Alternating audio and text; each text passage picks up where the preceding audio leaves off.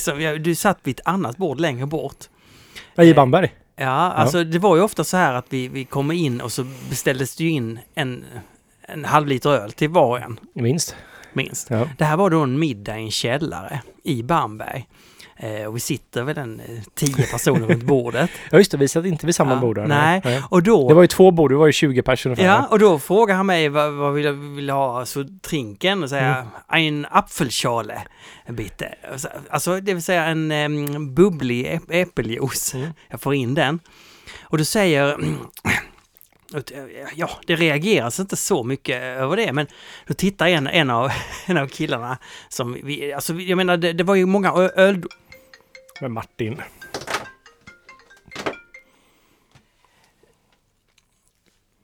Alltså de som var där, det var ju, ja, det var ju väldigt många ölkunniga och så, så vidare. Så, så de tittar lite, lite grann, "Men vad är det? Och då säger en av dem, ah, du dricker vin! ja, och då, eh, och, sen, och sen så skrattar han lite, han är supergod kille. Så Mm. bara, ah, ja, vi, vi kommer inte prata med dig mer nu. Nej. Sådär. Och, och då, då lutar jag mig tillbaka lite grann. Jag tänkte, Höj- vad, vad skönt. Hö, nej, hö, ja, så skulle jag kunna tänka. Men istället vad jag gjorde var att jag, jag höjde glaset lite, synade det Ja. och så sa jag högt till alla runt bordet att ja, alltså det du säger, det är högst rimligt att du säger så. Därför det jag gör är att jag ifrågasätter hela gruppens beslut. Tänk om jag suttit här och varit homosexuell. Då hade jag ifrågasatt alla era sexualiteter här runt om. Det blir helt dödstyst. Mm. Sen sa ingenting, något mer om det. Och då kom jag på att det var inte de som var mobbare, det var, det var jag som var mobbaren. Så jag tänker man får väl dricka vad man vill. Det spelar väl inte så stor roll. Nej, det är klart. Nej. Du, Olle, vad Ja, har du gjort sen... Men jag tänkte att du, du drack ju ganska mycket annat än öl på den här resan. Ganska ofta var det ju cola du drack. Vilket är fullt förståeligt med tanke på att vi Ja. drack ganska mycket öl. Absolut. Så Nej, det är väl ingen som borde varit förvånad av att du beställde in lite äppelmust? nej, jag tror inte någon var förvånad. Nej. Men, men man kan ju ändå tänka sig att eh, va- va- varför har du åkt på den här ölresan om du inte liksom hinkar i dig öl hela tiden? Alltså, Så kan man ju säga, så Ja. kan man ju... Det är ju intressant ändå. Som vi, men jag snackade om det innan, jag lyssnar på massa så här P3 Musikdokumentär nu. Mm. Där jag tycker vissa är jättebra och det är med band jag känner vet vilka de är. Men samtidigt så lyssnar jag på andra att jag inte har en aning, så nu lyssnar jag på Cardi B. Jag vet inte ens, jag har aldrig hört talas om vem Cardi B egentligen är, men det är jätteintressant. Så det är väl lite som att du åker till Bamberg, tänker jag. Absolut. Man kan ju turista i en annan, eller säga ett annat. Det är lite det du gör i öl på ett sätt, liksom. Du turistar ju i ett ölintresse. Absolut. Ja. Det, det, men det återkommer vi till Mm. i nästa avsnitt. Precis. Det var hänt sen eh, sist, det vill säga Mm. sen jättelänge sedan det var ju tillbaka. sjukt länge. Vi, vi kollade upp det, så att för, förra avsnittet sändes 22 augusti, vilket är min födelsedag. Ja. Och då var jag på semester. Så vi spelade in senast precis veckan innan jag stack på semester. Ja. Eh, sen så har jag inte vi hunnit, så det kommer ju inget den 22 september. Men därav kommer det två avsnitt nu då istället. Så det har hänt jättemycket saker. Framförallt så hade jag semester i tre veckor, vilket var svingött. Nej, och, och, du var i Grekland och drack bara superäcklig öl. Mm. Eller vadå? Ja, ja, det gjorde jag faktiskt bara. Men det är ganska gott ändå. Alltså, situationen gör ju mycket liksom. Ja, det är klart. Ja. Det är klart. Nej, men de har ingen vidare bra öl i Grekland, får jag säga. Nej. Inte de här stora bryggerierna, de är fruktansvärt dåliga.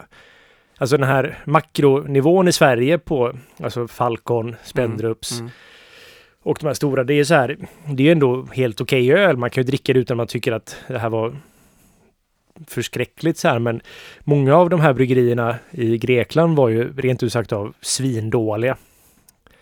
Så att jag, jag drack ganska mycket Guinness faktiskt. Om jag skulle ta en öl på balkongen så drack, tog jag köpte jag till slut Guinness faktiskt för jag tyckte det var... Det funkade. Men det var roligt faktiskt med ölen där för att det är så här... Det finns ju något som heter DMS i så här felsmaker Ja. som är liksom man, malt och kan ha det. Som är liksom en form av Ja, det luktar burkmajs och sådär om ölen. Och det är ganska sällan jag överhuvudtaget känner DMS. ja. Men i Grekland så kan man hitta öl med DMS i. Ganska tydlig DMS. och det är, jag vet inte, jag tror man får anstränga sig nästan lite grann för att ha det i öl. Knappt koka den liksom. Ja, jag vet inte. Nej. Men, Men det, det- var väldigt skönt att vara på en vecka i Grekland med min Ja. flickvän. Bara snorkla hela dagarna och äta god grekisk mat och dricka vin istället fick man göra. Ja. Retsina är väldigt gott faktiskt. Det blev min, eh, i brist på IPA kunde man dricka Retsina. Som är liksom vitt torrt vin som de har haft tallkåda i. Luktar ju som såpa typ. Så det har lite så här pinighet liksom. Jaha. Jättegott. Istället för IPA. Men det, vad har hänt på bryggeriet då? Mm. Uh, ja, det har hänt ganska mycket också. Vi har fått nya tankar. Har du fått det senast? Jag kommer inte ihåg. Nej, men vadå, alltså vadå, nya tankar, vad är, det, vad är det för nyhet? Alltså ni har fått större tankar? Jag har eller fått vad? mer tankar. Fler, alltså vadå? Varför, för Alltså att, fler tankar, inte Ja. mer tankar. Eller säger man? ja, fler. Fler blir det. Ja. Ja. Så vi har fått två stycken 3000 liters tankar och en 6000 liters tank till. Ja, är det för att ni säljer så mycket öl eller vad? Ja, vi har ju varit i full kapacitet liksom. Mm. Så nu behövde vi gå upp lite till i och med att vi har Pivot lanserad och sådär. Det här kanske vi hade kanske pratat om senast. Ja, men hur har det gått för Pivot? Det har vi inte pratat om. Ja, men det har gått bra tror jag. Vadå, ni säljer det? det Ja, folk... den är ja, den är ju lanserad och ja, det verkar gå rätt ordentligt. Så Ja men du, okej, så har man väl fått en hyllplats så Ja. vet, vet folk inte vad de gör. De bara, där står en öl, jag tar den från, den syns, jag tar den. Ja, Eller- eller, eller typ trillar vadå? ner i folks väskor. De Liksom. trillar ner. Ja. Nej men, men det, så Nej. är det såklart. Man syns ju där och det är bättre reklamplats än så kan man ju inte få. Nej, det är det enda man kan jobba med också liksom. Det är ju bara att få hyllplats. Nej, men det verkar gå helt okej för den. Jag vet inte vad Mm. man, jag har ingenting att jämföra med eller sådär, men ja. Nej, hinner med att brygga den och ja, det går rätt snabbt ändå tycker jag. Så att, Mm. ja. Ja, jag får gärna sälja mer. det är inte det jag menar. Säljer den bättre än Narangi? Eh, alltså ja, den har ju så många fler butiker. Ja, ja, Ja, så. men- det är klart. Per butik så säljer den säkert inte mer. Nej, Om okej. man skulle se det så. Mm. Men ehm, nej, men också ja, vi har anslutit en ny bryggare.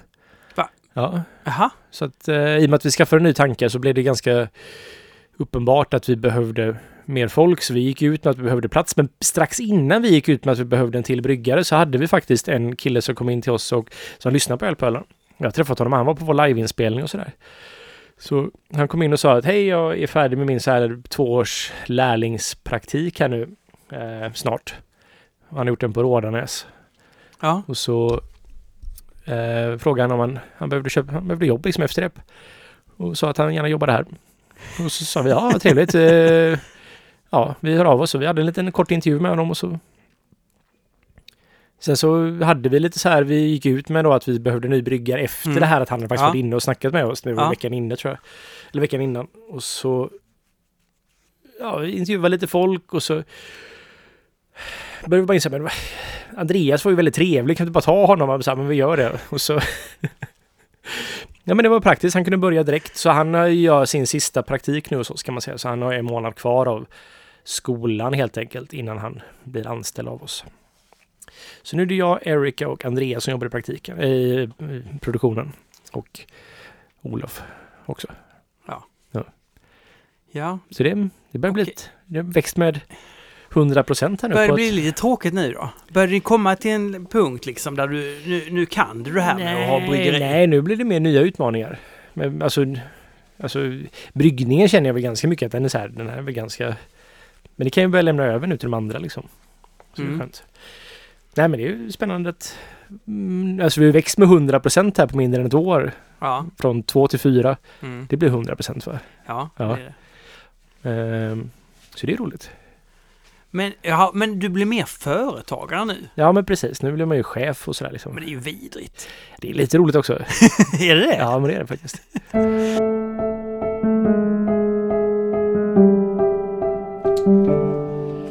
Alltså jag tycker det här, den här nya teknikvärlden vi har, Mm. att man kan, man kan skicka i Messenger, du kan skicka som sms, du kan skicka ett mail, Ja. du kan skicka i, alltså du kan, ja, på Instagram kan du skicka ett, ett som ett meddelande. Eh, vet du var jag hittade alla sköna frågor? Ja, det vet du ju. Nämligen under våra poster. Det är klart, vi, det är ju där vi brukar fråga. Skriv här under i posten. Så där hittar Mm. jag lite. Du, BA33N. Ja. BA33... Men det är svårt det här med alla meddelanden. Nej, men hur gör man? Alltså jag, jag, vet, jag, jag kan ju få så här notiser på min telefon. Ja, Som är så här att någon har skrivit till mig och så tänker jag men det ska jag, jag svarar på det sen när jag liksom bryggt färdigt eller vad som helst. ja, ja. Och så ska jag kolla upp vad den här är och så kan jag inte hitta den ibland för då har det kommit en andra notiser så det är som här historiken där är borta. Så bara så här, jag har ingen aning om vilket medium så jag kollar mail och kollar Facebook och jag kollar Och så är det alltid det man tror minst på liksom. Typ att det var ett sms i Nej, slutändan. men för liksom. sig kan man ju ha Slack, är ju en plattform. Ja, och Slack använder vi också. Hangouts på Den använder jag Google-plattformen. inte. Nej, men det, det finns hur mycket... det är för mycket liksom. Det här måste aggregeras på något sätt liksom. Allt det här måste Aggregeras, ja, samlas ihop och liksom så här förpackas till en... Ja. Jag vet inte. Nej.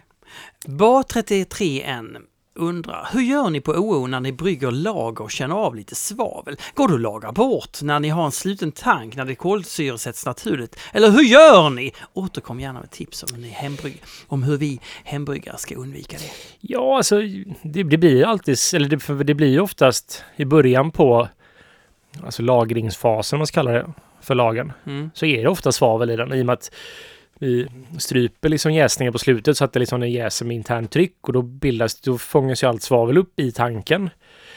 Men jag tycker ju väldigt sällan det här blir ett problem med den förpackade ölen. Det är som att under tiden så, alltså den tiden vi tar på tank liksom, Ja. när den är kall och så, så försvinner det svavlet. Så i början så är det svavel där.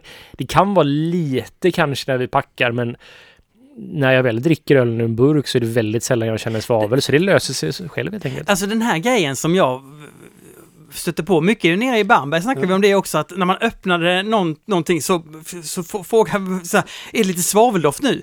Ja, ja, men nu är den borta. Den hade gått fem sekunder så, va, det är väl en helt ointressant svavelaktighet. Vad spelar det det, är för så roll? flyktigt svavlet så, här, så jag ser faktiskt väldigt, alltså jag kan inte med gilla när det är lite svavel i en lager. Ja. Det känns lite extra rustikt då. Det känns lite, känns lite Bamberg på något sätt.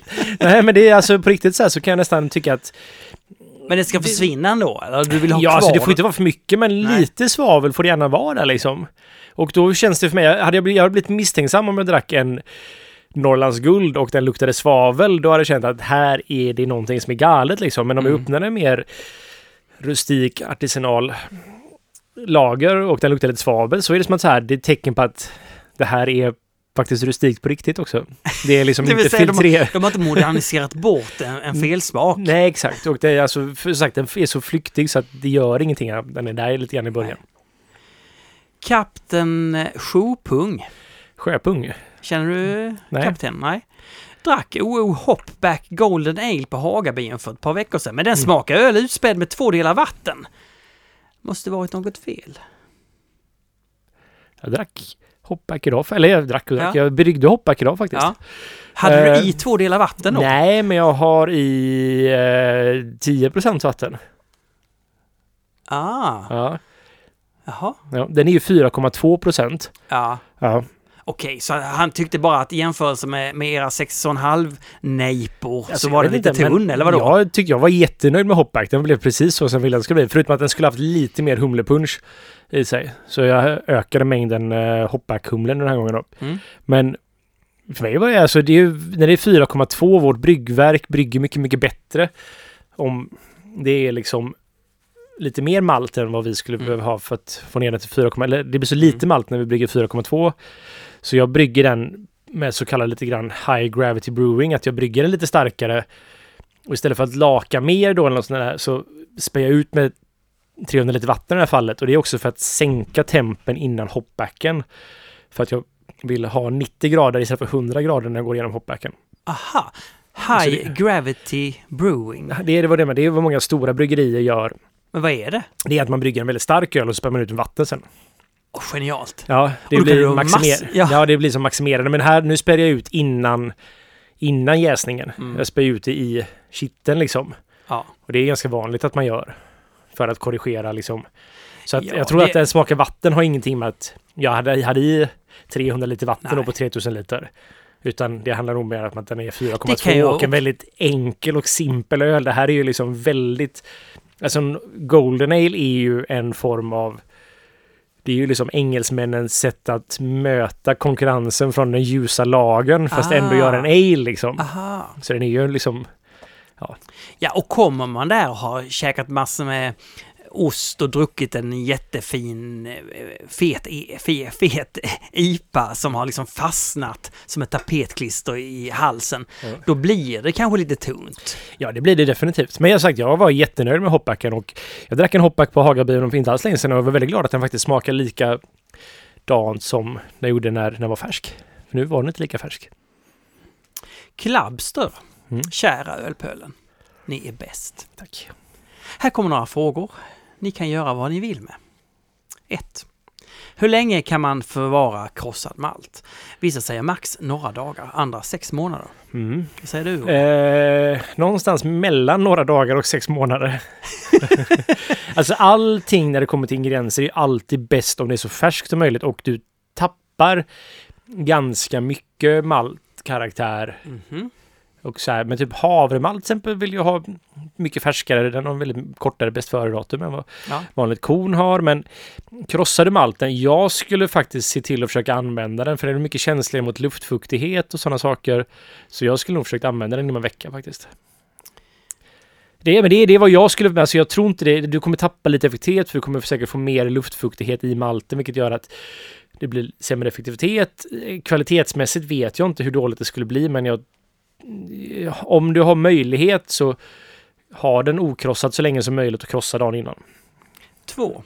Angående cold break. När man använder plattvärmeväxlare eller som i mitt fall motströmskylare Mm. så följer ju alla proteiner, tror jag det är i alla fall, med till jäskärlet. Mm. Till skillnad från till exempel kallt vattenbad och böset sjunker till botten innan man häv, hävertar över till jäs. Precis. Gör det någon skillnad för jäsningen eller färg, smak? Ehm, jag vet faktiskt inte. Det här jag har läst om det här och jag har läst både och. För när vi kyler så hänger, Ja. hänger ju all cold break då, alltså köldgrumlingen, hänger med in i tanken för vi använder plattvärmeväxlare. Mm. Så den följer ut, landar i botten. Jag vet bryggerier som dumpar detta, som väntar en timme Aha. efter att de har du, alltså, fångats upp i tanken i konen, dumpa ut den här mjölkiga sörjan som är där.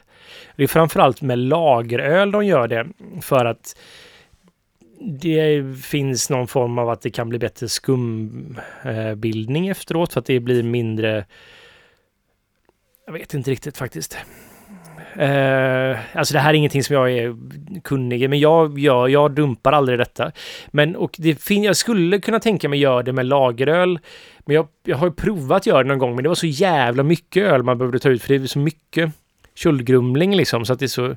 Det blir inte en kompakt sörja liksom, utan det blir ganska fluffigt, så man dumpar ju då väldigt, väldigt mycket öl och då förlorar vi väldigt mycket effektivitet och det har vi inte råd med att göra helt enkelt. Så att, och jag har inte riktigt stört mig på att jag känner någon smak av det eller vad det nu skulle vara eller att det blir något fel. Men det kanske är så att man kan ha det som en förbättring i framtiden. Men till exempel, vi var ju besökt ett bryggeri i Bamberg som hade ett så kallat kylskepp då. Och där har man ju det som en försteg till plattvärmeväxlare eller någon annan kylning. Att den första kylningen där liksom, och då sedimenterar ju rätt mycket av den här kylgrumlingen på i kylskeppet liksom. Det är som ett grundkar. Och då får man ju inte med det in i tanken till exempel. Nej. Så det är ju en traditionell sätt att göra lager på. Men i de flesta fall vad jag vet så hänger det bara med in i jästanken. Och vid ale så har jag hört att det här är bra för gästen för att den fungerar som en näring nästan. Cold chip. Alltså, var, när vi gick in i det rummet och alla Ja. fick se det här cold chipet, då... Din dator låter väldigt oroväckande mycket Martin. Men det är fläkten. Ja, Det är... Nej men jag, vi, jag, jag tänker så här, det här tar väl kanske ett och ett halvt gigabyte. Jag har väl en tre gigabyte ledigt i alla fall.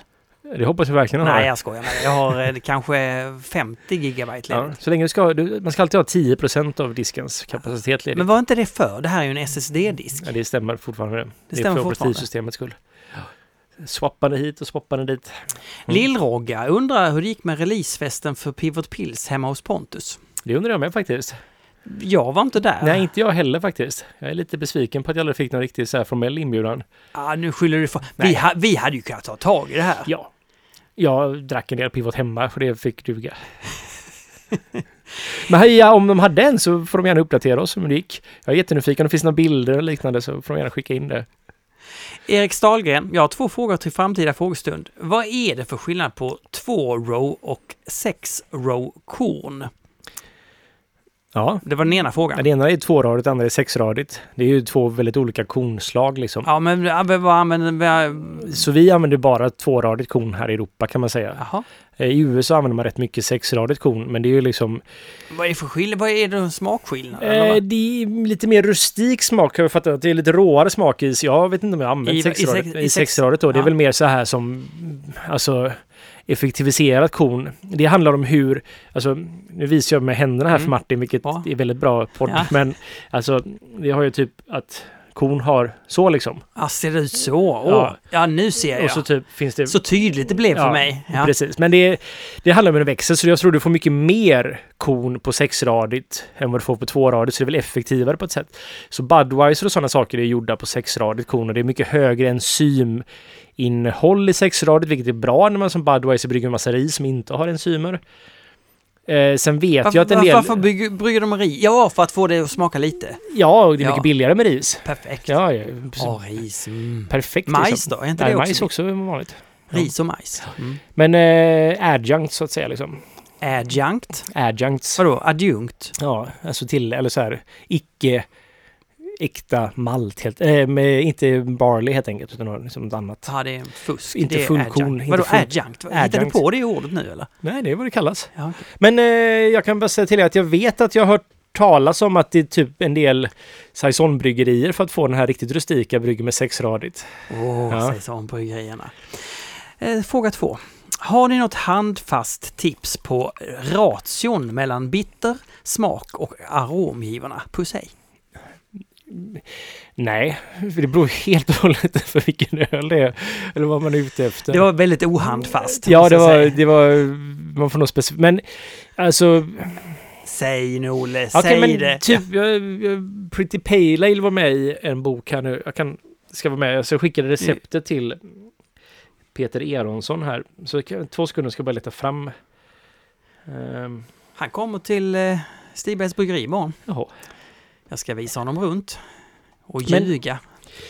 Nej, jag ska inte Pretty Pale Ale är en väldigt simpel öl. Ja. Det är bara en American Pale Ale. Precis så som jag vill ha en American Pale Ale. Lite gammaldags, lite modern helt enkelt. Men där kan jag bara säga att där har jag Columbus som bittergiva. Ja, 10 IBU vill jag ha där. Sen har jag Simcoe då i Whirlpool Hopstan. Jag har ingen annan humle under hela, mm. under hela processen här, utan det är ju Mm. bara som i bittergiva, slutet. Det här är för en, vad jag tycker är en god Ja. American Pale Ale. Och där har jag 0,5 gram per liter. Mhm. Ja. Gav Så- du en ratio nu? Ja, det gjorde jag väl Men- typ. Jag gav någon form av åtminstone indikation på vad jag använde. Och sen så torrhumlar Ja. jag då med 8 gram per liter. Okej. Så det är ganska lite på den heta sidan, ganska mycket mer på den Mm. torr, kalla sidan. Mm. Torrhumling är da shit, har man ju förstått. Det beror på vilken öl det är. Eh, Marcus Nord 666 Mm. säger ju så här, blir inte Olle Andersson ledsen och besviken nu när du hängt i cirkusölskretsar? och så, så en tårskratt-smiley. Ja. Riktigt skrattig smiley alltså. Nej. Vad ska man man bli ledsen? Va? Ska man inte bli ledsen? Nej, utan jätteglad så man det skvätter Jaha. tårar. Liksom. Man är så, så skvätt-tårsglad. Nej, jag blir varken ledsen eller besviken. Jag blir arg. Blir jag. Nej. Ja. Nej.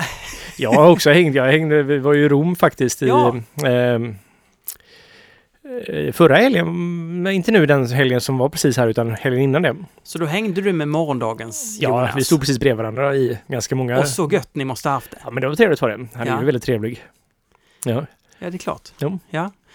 Ehm, Mm. För- Vad, I vilket sammanhang hängde du med honom då? ja, därför att ehm, hämtade, han hämtade den cirkusöl, bu, nej, bu- bubbelgumsölen som han har gjort. Jaha. En sur, en berliner är det väl. Har han gjort den hos er? Eh, ja, Jaha. Han har Eh. väl gjort den hos Poppels också tror jag?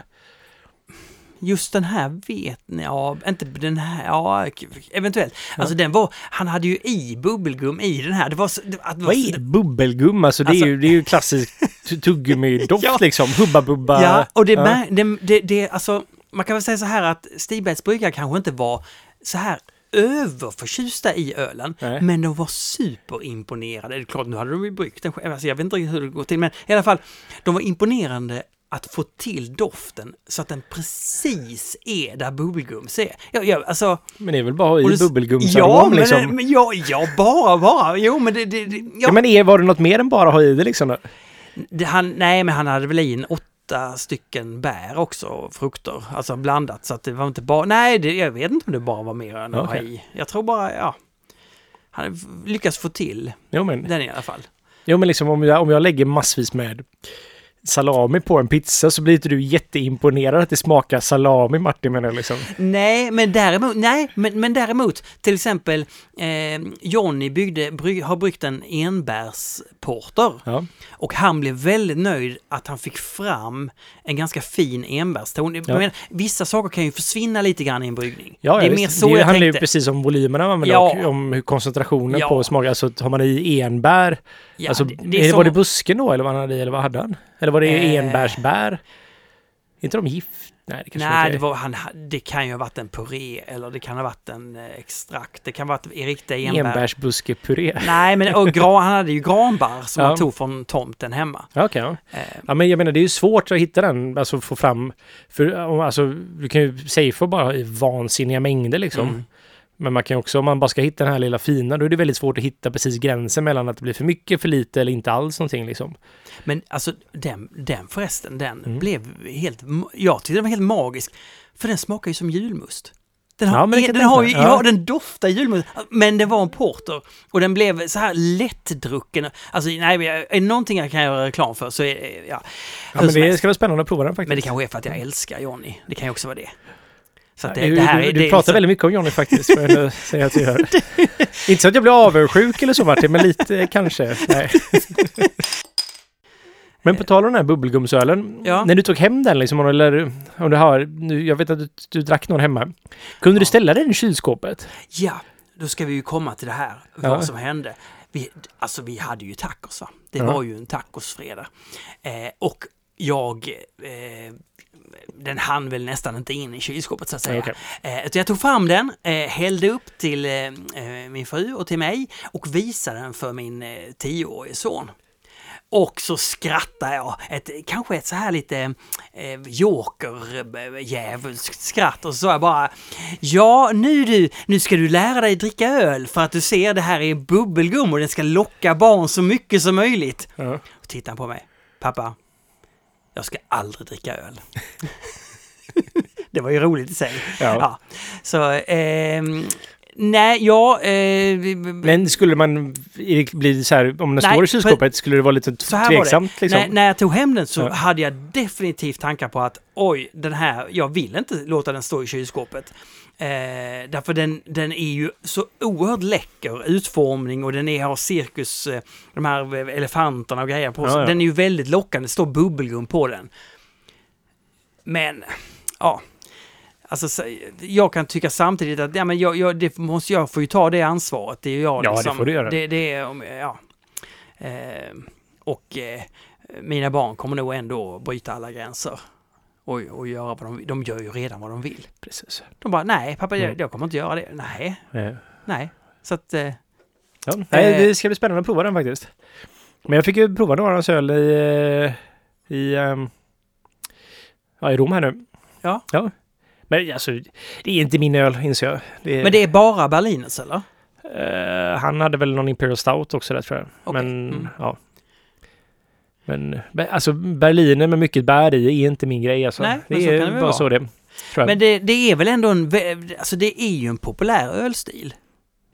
Ja, jag vet inte hur populär den egentligen är. Jag vet inte Den riktigt om man skulle... inte populär, jo men Ja, men om man skulle bryta ut det och typ jämföra Ja. med Ja men så som IPA, jag vet inte, ibland så inser jag så här att det finns vissa öl som man tror, för att man är så Mm. inne i ölvärlden liksom att mm, oj vad populärt det här är. mm. Och så när man sen kanske snackar med någon så är det som att så här, ja, okej, det, det är bara att den låter och hörs och syns mycket. Men att säljmässigt, att hur många det är som köper det är inte så där vansinnigt många ändå liksom. För jag menar, det är ju inte en billig öl i och med att den har så mycket frukt och så i sig. Så blir den väldigt, väldigt dyr. Mm. Så att jag vet faktiskt inte hur, om man skulle verkligen säga, den är ju populär såklart, den har ju väldigt mycket hype runt sig, den här typen av öl.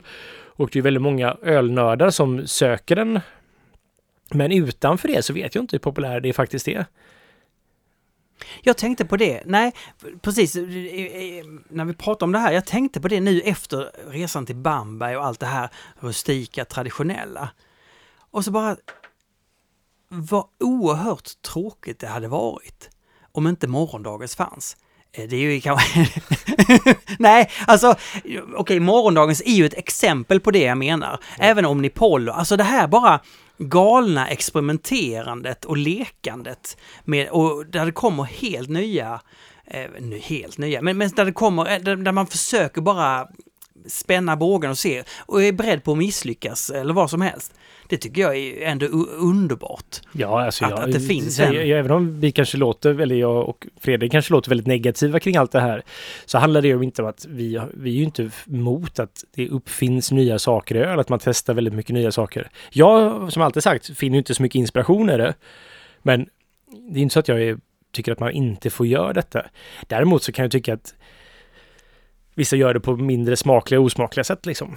Men det är en annan femma liksom. Men det är så, så som Mikkel har alltid gjort, liksom, du vet, släppa över 300, alltså över, över 365 öl per år.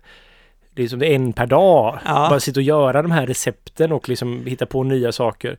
Det fanns ju ett tag när man trodde så här att "Nej, det går ju inte att göra ny öl för Mikkel har redan gjort det liksom. Ja. Allting är redan upptaget, alla kombinationer. Jag ska göra liksom öl på bajs. Ja, men det hade Mikkel gjort på Koppelovac. Och så tryffelstout och allt möjligt. Och det kan Ja. vi nästan se som traditionella saker idag Mm. på något sätt. Nej men så att det är ju det, alltså, det är en naturlig del av öl. Det går lite väl snabbt ibland kan jag tycka dock. Men alltså, ja. Vi, vi klagar men vi har också tagit på oss den rollen och klagar lite grann. Helt enkelt. Någon måste vara den också. Alltså någon måste vara nazist. Alltså ja, om inte, om inte jag blir nazist då får någon annan. Nej. Precis, det är, Du, vad är det för glasögon? Är de, är, det är inte dina nya? Är det? Är det dina nya glasögon du har nu? Nej, jag har haft samma glasögon i fem år. Här. Aha. Ja, men jag har keps på mig, kanske det. Kan det vara det? Ja, Ja. nu ser jag. Ja. Ja. Ehm, Ja. ehm, ja, klockan är bara... Herregud. Vi måste ju ha något mer att prata om känner jag. vi ska ju ha ett, hem, vi ska ju ha ett eh, Ja. hembryggarölprovsmakaravsnitt. Mm. Har det kommit någon öl? Det har kommit ganska mycket öl till, eller inte, jag vet, det har kommit paket som jag bara ställt in i vårt kylrum liksom. Så det står där inne kallt. Bra. Jag vet inte hur många öl det är i varje paket, men vissa Mm. är det bara en kan man uppenbarligen se. I vissa ser ut som det kanske är tre, fyra olika öl. Ja. Men eh, det har kommit en sex olika paket kanske. Principen är väl att vi tar en öl per eh, bryggare. Jag tänker att att vi beror på hur många vi får in liksom. Ja. Jag tycker folk ska skicka in och så tar vi så många vi... Det här är ju liksom... Vi pratade lite med Fredrik om han skulle få med i det här. Men då där sa jag nej. För Fredrik får inte vara med. Han är, han är utbildad öldomare, väldigt seriös kring det här. Det är ju inte jag till exempel. Utan det här blir hot takes. Utan det här är ju bara liksom snabba interpretationer av vad man först känner. Alltså första intrycket av en öl. Mm. Det är liksom inte, det här är ingen... Jag ska, jag ska försöka vara så seriös som möjligt och ge också konstruktiv kritik. Men samtidigt så är det inte en riktig öldomar grej det här. Vilket Visst, jag... ja. Det, är så här, det finns kvaliteter med det och det finns kvaliteter med att inte vara det också. Ja, det vi slipper är att vi slipper de här eh, ändå väggarna som finns för till exempel en ölstil. Mm. Eh, om det bryter en sån vägg så kanske det inte behöver göra att ölen blir, egentligen blir sämre. Jo, kanske enligt kategorin, men vi kanske skiter lite mer i kategorin helt enkelt. Exakt. Eh, Det är, är det gott eller inte gott? Det är väl typ så ungefär. ja, Ja. Ja. Och så varför det inte gott och varför det gott? mm, precis. Och då skickar man ju till dig nu det här Mm. året. Alltså jag, jag vet inte om min, min fru är väldigt glad för att vi har, eftersom det, man, det är inte så att det står massor med öl som vi plockar bort, utan det är bara att det inte kommer in någon öl i, nej, min nej. i vår kyl. Det är från förbättring i år då. Fram, för, Det, det tycker jag. Jag ska nog Från påpeka år. det. Ja, men Ja. jag ska påpeka det nu här hela, ända vägen fram. Precis. Faktiskt att vi- Det är ju lustigt så här när någonting saknas och det är en förbättring. Då är det väldigt svårt Ja. att påminna sig själv om att det blir bättre. Ja, Annars får allting bli... Ja. det är väldigt svårt att stanna upp i vardagen och njuta av det man ser liksom. Det är det faktiskt. Ska du vara med på All In Bear Fest? Bearfest. Bearfest? Björnfesten? Ska du det? Det ska jag göra. Jaha, varför då? Eller, OO där. ja, Ja. för att det är en väldigt bra festival i Göteborg precis. Göteborg. Ja. Så In. det, jag tror inte vi har något val, vi måste vara med. Eller vi vill ju gärna vara med också såklart, men det... Men du undrar, kommer Trillium hit? Eh, jag har ingen aning. Jag har inte Nej, jag skojar. Jaha. Det är bara, nej men jag har fått en liten upphakning på, jag har fått en upphakning på Trillium och Hill Farmstead. Alltså Ja. gör man inte en, gör man inte en kollaboration med, med något av de två, då kan Ja. man skita i det va? Ja, nu... Alltså, Hill Farmstead kommer du aldrig få göra en Nej, kollaboration men jag, med. jag, jag säger det bara. Precis. Ja. Det är liksom inte ens... Du, Ja. jag säger så här, vi skickar in ett litet eh, byte. Mm. Alltså ett litet, eller Men lock, Stigberg har ju varit lockbete. med i en kollaboration med... Jo, jag vet att ni gjorde den här stora med Omnipoloscope. Precis. Eh, men det räknar jag inte riktigt. Nej. Nej. Eh, du, vad säger du om den här grejen då? Ja, Modern Times var här. ja. ja, jag träffade dem och kom till oss också. Lukas blir helt så här skakig i benen för att det är liksom lite idolvarning på dem. Modern Times. Ja, men det är väl klart Modern Times. Mm. Fan, han är... Okej, ja. Ja, men det kanske handlar om ålder. Han är lite yngre än vad jag är. Men Ja. jag vet inte, Modern Times, så, alltså det är ju ett stabilt bra bryggeri, men det är väl inte sådär... Men så by- bryggde då Stigbergs en porter med dem? Var det rätt? eh, Alltså... du, du ska inte fråga mig det Martin. Jag tycker Ja, det är alltid rätt att brygga porter. Svaret är alltid porter Martin. Alltid på... Är det ja, det är det. Ja. Jaha. Men ja, Ja. Eh, det, det, är, det är sant. Nej, men alltså, jag bara säger, det är inget fel Ja. på Modern Times, Ja, men det är väl nej. bara ett vanligt bra stabilt bryggeri från Mm. San Diego tror jag det var va? Mm. Men de var också i eh, Portland nu. Jag tror han var killen Ja. som var här var från Portland. Ja, okej. Han var med och startade upp det i San Diego också. Mm. Ja, det förstår jag. Det Mm. förstår jag. Eh, jo, då tänkte jag återgå innan vi släpper in eh, Fredrik. Men du, sa vi någonsin vad man ska skicka flaskorna förresten? Nej, vi, ska vi Nej. säga det men ska vi säga det Ja, det får vi ändå göra. Det, man skickar dem till eh, OO Brewing, Exportgatan 35, 422 46 Hisingsbacka. Åh, Så kan man Hisingsbacka. märka det med ölpölen så bara stoppar vi in det direkt i kylcontainern. Mm. Mm. In i kylcontainern. Eh, du, innan vi släpper in eh, Fredrik så tänkte vi bara återgå till, eh, eh, till OO, OO, Ja. OO Brewing, heter ni så? Alltså jag vet inte. Heter ni... vi, vi, på engelska säger O and O Brewing. för att det är, det blir minst, folk fattar vad man, eller så här att det är O. Men på svenska O och O. Det är tre O, O på rak. O, ja. ja, ja. Det blir väldigt så här O och O. Det låter jättekonstigt och känns väldigt konstigt att säga. Så jag vet inte riktigt vad. Det kanske är bättre att bara säga O. Men Alltså, på vet- engelska säger jag O and O. O&O Ja. är ju det är ett riktigt bra namn. Det, det, det, O det, and är O. liksom, det svänger, eller så här, det är liksom... Ja, ja, ja. Men O O&O. och O är jättekonstigt. O, O, O. O, Å, O. O, O, Där- O. Ja, där har du det. Nej, Nej, vi, alltså det är ju sånt jävla du- dumt namn vi har valt alltså. men Ja. har ni bryggt några nya, alltså det, det kommer vi inte in på. Har ni bryggt några nya sorter spännande eller vadå? Ja, vi har bryggt nektar igen på burk, sen kommer bolaget. Men du, 9 procent. Ja. Är det något, det kan man ju inte ha. Och, Varför gör ni det? Alltså det var ju lite komplicerat faktiskt, för det var... Ja, Det är ju så mycket honung. Vi hade ju 100 kilo honung i den. på visserligen då 6000 liter. ja, Men det är mycket honung. det, ja, herregud. Så att... Och problemet är att den... Vi upptäckte ju det då att gästen tänker så här, det är ju fruktos liksom i honung. Det är väldigt simpla sockerarter. Maltos och sånt man får från... I vörten är ju oftast lite mer då komplexa sockerarter. Sen åt ju all den här honungen och var så här kalasa på den och bara Wii, vad gött och enkelt det här var. Jag behöver knappt anstränga mig för att äta det här sockret. Sen så helt plötsligt kommer den till det här maltsockret och var så här, ah, jag tror jag slutar jäsa här nu. Så vi fick göra lite så här, ja, återuppliva gästen helt enkelt. Det är den jäste ut till slut, men det var, det var en lite långsam jäsning.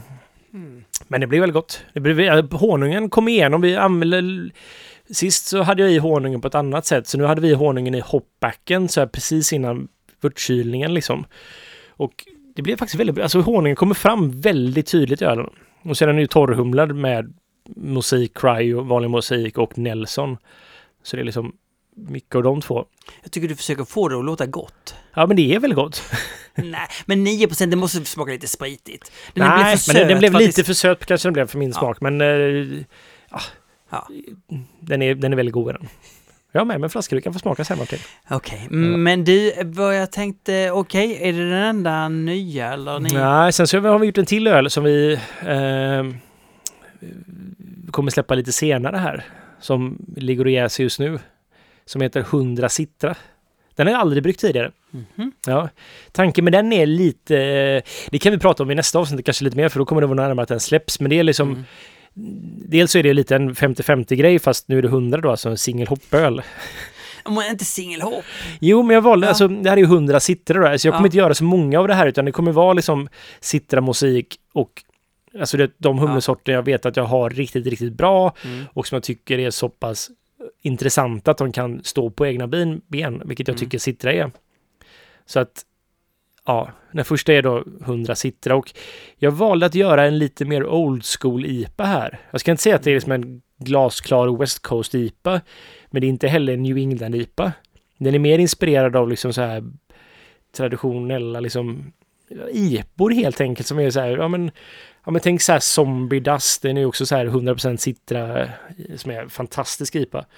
Och ja men typ så här Bells Two Hearted Ale och som är, det är ju en Centennial-öl och visserligen men Mm. lite mer den typen av. Det är ganska maltigt fast inte för maltigt. Inget så här omältat havre, vete utan bara liksom lite Munich-malt i den.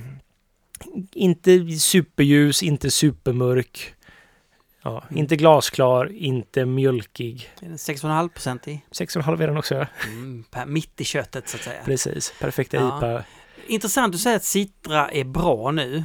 Därför att... Eh, vi, Så vi- Citra är, men ja. Ja, Mm. nej. Den är inte bra.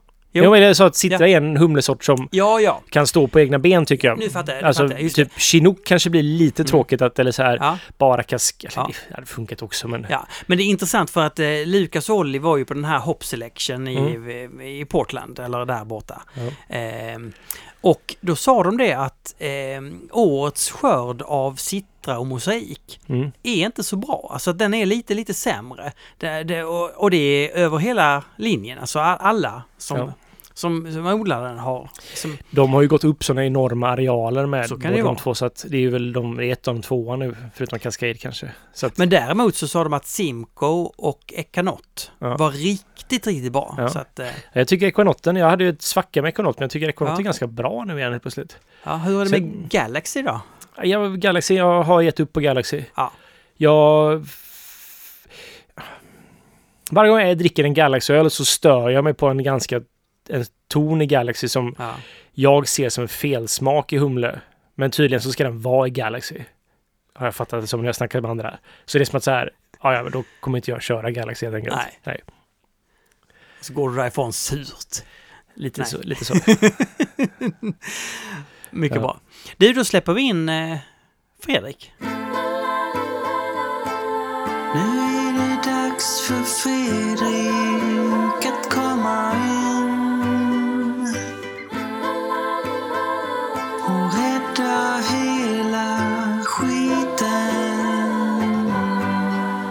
Hej Fredrik! Hallå, hallå. Vad roligt att se dig igen. Detsamma, det var länge sedan. Ja. Ja. Har, har du gått och tänkt på ölpölen mycket nu, liksom hur det har förändrat ditt liv och vad har Ja. de här två månaderna, alltså det här uppehållet gjort med din tanke kring ölpölen? pölen? Ja, men jag har saknat eh, det. Jag har saknat er. Ja. Det är Så- samma.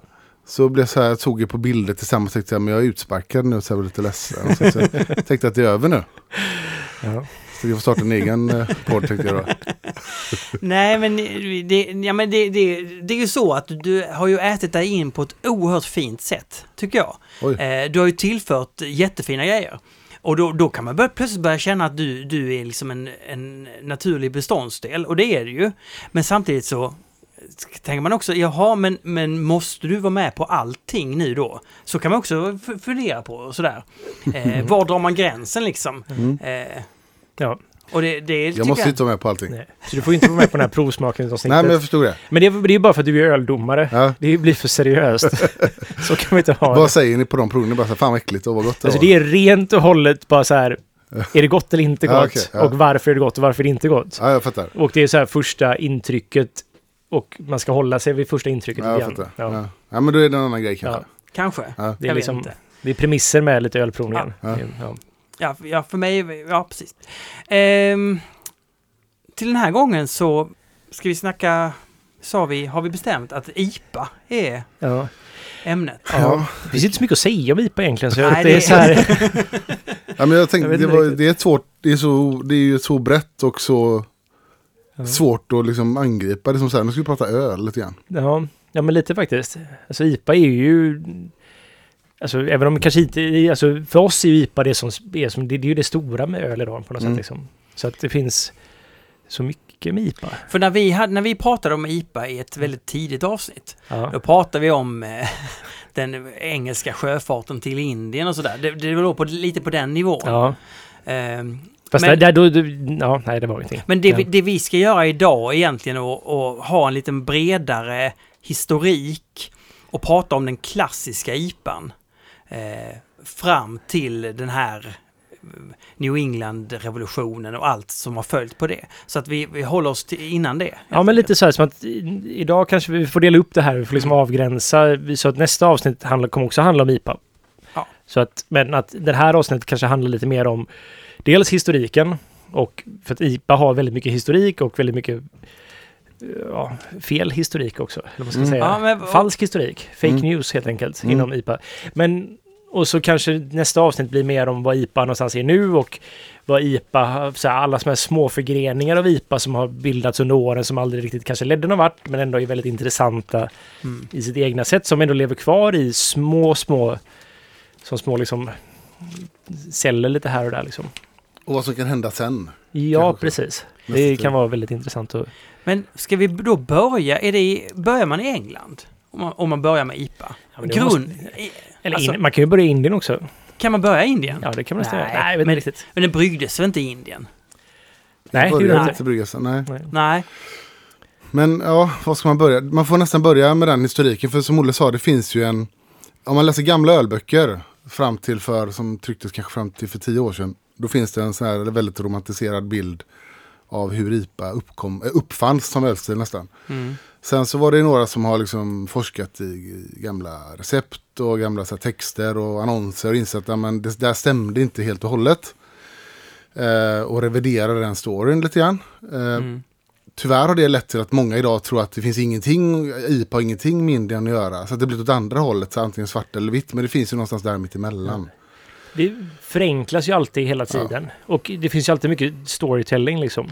Mm. Det är ju, öl är ju så förknippat med marknadsföring och det har alltid varit på något sätt. Och, och en stark berättelse fastnar ju. Alltså jag, jag tänker fortfarande på, ja, men vi humlar upp den här i brygga så att den håller hela vägen till Indien. Ja, ja, det tycker jag är en så stark, eh, för mig är det det som är fortfarande. Det spelar ingen roll Nej. att Nej, du det finns ingen som kan säga någonting för Nej. att du ska kunna sudda ut det liksom. Nej, men och det är lite att samma det med är mig. inte riktigt fel Nej, heller. Vi nej. ska komma till det. Det är inte fel. Men Det finns ju ett uns sanning Ja, i det det hela det. liksom. Ja. Men ja, nej men det är ju, men det är, det är ju spännande med all öl tycker jag att det finns en form av, det är väldigt lite som är dokumenterat Precis. rent så här att det är ingen som har suttit och skrivit böcker om så här varför den här ölen bryggdes och varför inte, utan det är ju egentligen marknadsföringen, alltså annonsering Ja. och liksom sånt som har levt kvar. Mm. Det är ju då Ron Pattison och liknande Exakt. som har gått igenom gamla, gamla bryggloggar och kan se vilken öl var det som faktiskt skickades och varför skickades den och kanske behöver nog spekulera en del i det också. Liksom. Också, absolut. Men det, är det, det, som säger, det är ingen som har gjort den typen av arbete innan. Som, för det fanns, inget, det fanns ju inget intresse av öl förrän liksom för 20 år sedan i princip. Så Nej. det var ingen som forskade i det. Men nu har man gjort det lite då. Men ska vi ändå försöka börja där, vad, vad det kommer från grann. Mm. Vi pratar ju om, Pale Ale har vi pratat om lite grann, om hur man i England med hjälp av koks och sånt kunde göra eh, ljusare malt. Mm. Eh, Och Pale Ale kommer ju att bli väldigt stor i England under 1700-talet. Alltså en ljus ale. Det är så här, det är någonstans starten för. Det blev lite kontrast också till de alla mörka ölen liksom. Precis. Som ett, det här var lite, titta här, vad vi kan göra nu. Ja men exakt. Ja. Och, och samtidigt som det skedde så var ju England ute i världen och hade sina, liksom, mycket handel och sina liksom, imperier och sådär. De hade mycket handel med Indien. Det handlar ju om eh, textilier och kryddor. Och eh, då fanns det mycket engelska så här, handelsmän, men även andra europeiska handelsmän nere i Indien. Och så en av de här myterna som inte riktigt visade sig stämma är att man bryggde öl för, för sina, liksom, sina trupper. Så var det ju inte riktigt. Man bryggde mycket för Eller, man gjorde ju det. också. Men det var ju all öl. Ja, det var ju det var port. allt. Det, var ju, det exporterades ju mer porter alltså till Indien i början än vad det gjorde något annat. Och det kanske Precis. var mer var för att så här att de inte skulle dricka något inhemskt eller liknande. Utan Nej, det, faktiskt, det behövdes finnas någon form av alkohol där nere. Precis, och det fanns mycket så här stories om det inhemska alkoholen i Indien var ju jättefarligt. Det var Ja. rätt många som dog av det. var så här liksom, grejer som var helt galna och infekterade. Och så, här, så att folk mådde inte bra. Sägs det då. Ja. Eh, Det har jag alltid trott att det är så. Ja, men det, man kan tänka sig det. Eh, I alla fall, det fanns ju. Och så blev, ville ju de såklart ha brittisk öl. Så man, man skeppar ju liksom öl till Indien under 1700-talet. Till och med tidigt 1700-tal.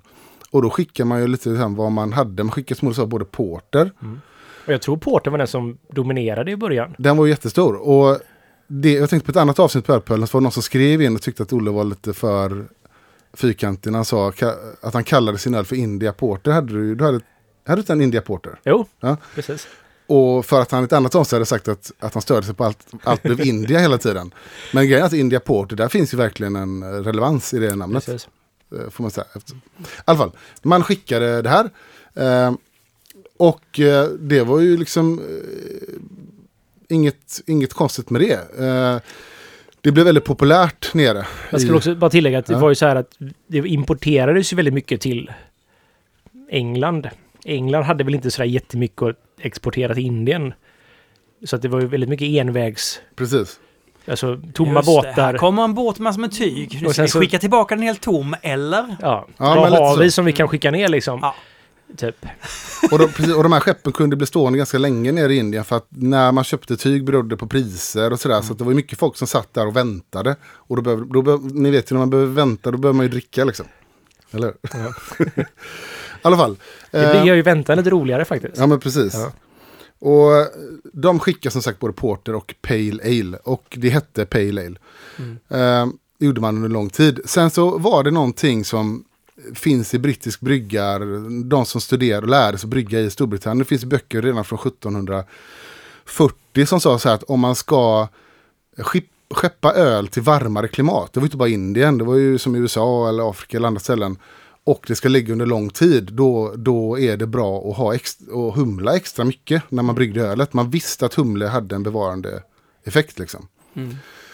Så att det var inget så här, eh, någonting som någon kom på. För den här gamla storyn som folk motsätter sig då, det är att så här, ah, någon kom på, ah, jag vill skicka öl till Indien. Jag lägger i massa humle så det håller och så kallar jag det India Pale Ale. Och så, det, så var det inte, utan namnet Nej. kom ju, namnet India Pale Ale kom ju 50 år efter ölet hade skickats till Indien.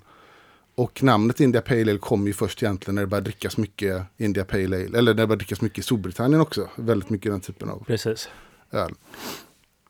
Eh, så man skick, skeppar ner det här ölet och som allt öl man skulle skeppa lång tid så var det väldigt mycket eh, välhumlat liksom. Och jag tror ju det finns någon form av... Det, här, det finns ju en väldigt bra, bra bok om det här. Vad heter han? han? Nu läste jag faktiskt det här kapitlet i den här boken inför det här avsnittet, men det var så länge sedan nu. Det var ju typ när jag var på semester. Men eh, han som jobbade på eh, Budweiser förut och sen började jobba på Ja, mitt stil. Mitch Steele, precis. Ja. Hans IPA-bok har ju ett väldigt bra kapitel om Ja. det här. Och där var det väl också att det var ett, ett bryggeri som gjorde en form av extra välhumlad pale ale. Precis. Som, de, som jag tror, alltså jag tror, det här är vad jag spekulerar i.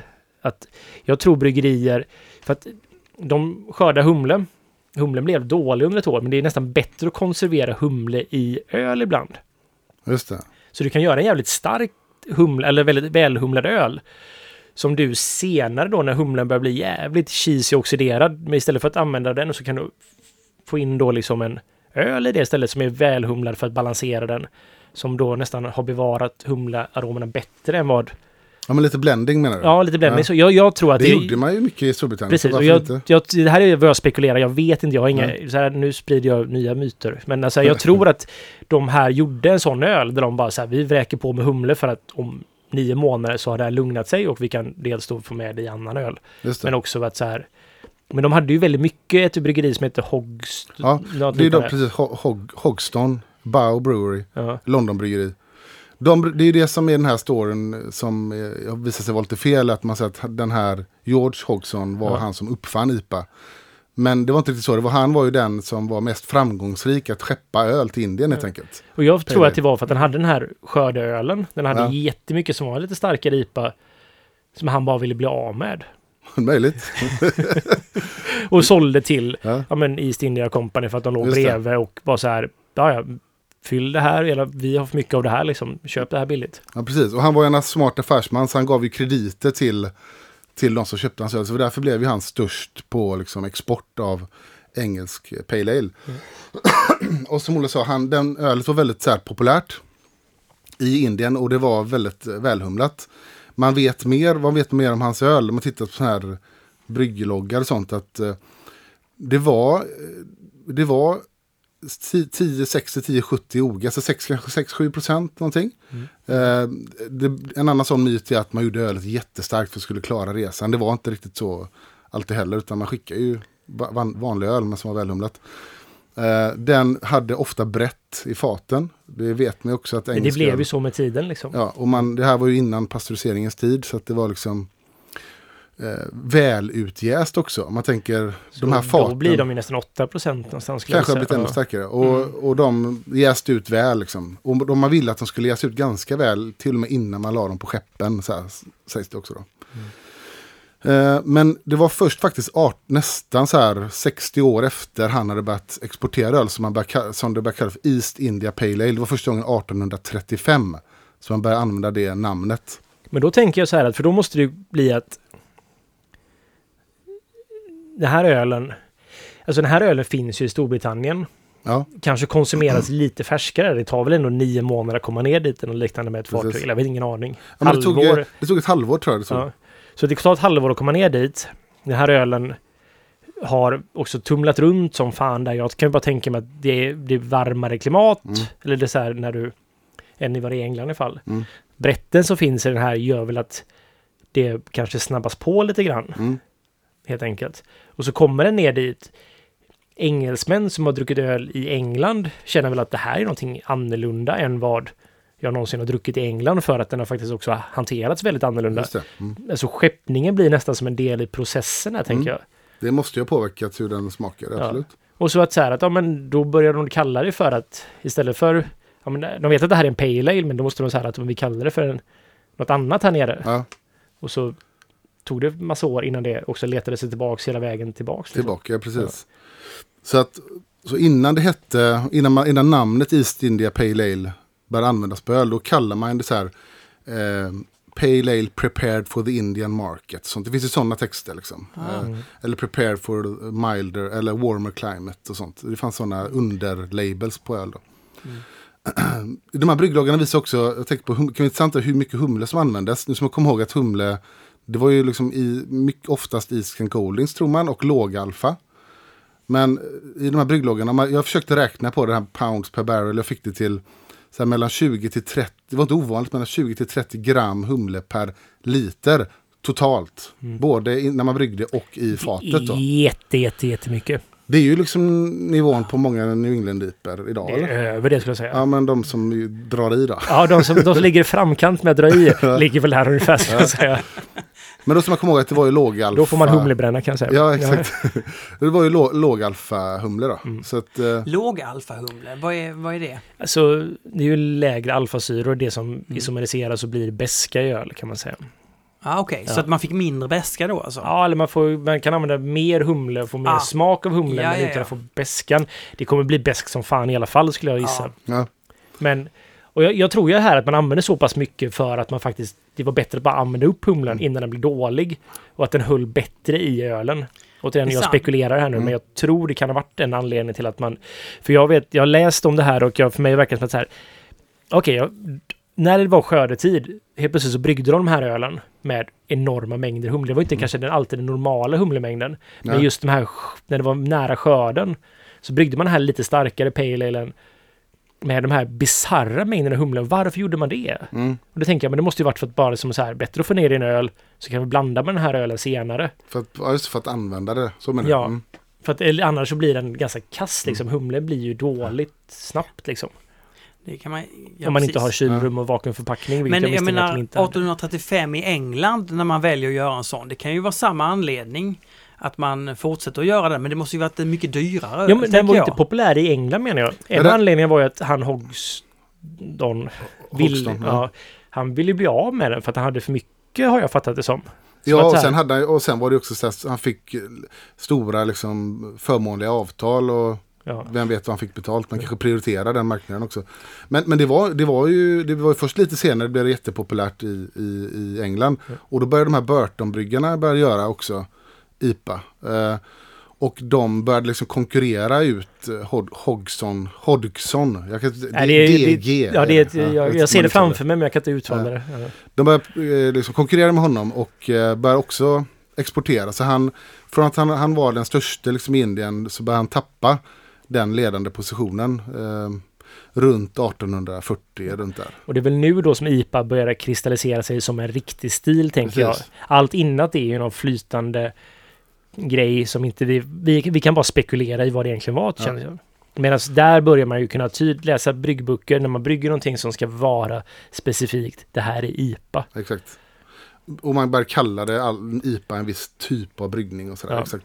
Det var först då. Men och, pratar vi då också om att det börjar bli, bli populärt i England? Eller hur? Eller när? när Alltså Pale Ale och sånt har de druckit hela tiden. Men just Ja. själva begreppet IPA, den, att det blev, eller East India Pale Ale, Ja. att det blev som ett marketingbegrepp var ju, det blev ju stort först på 1800-talet i England. ja, ja.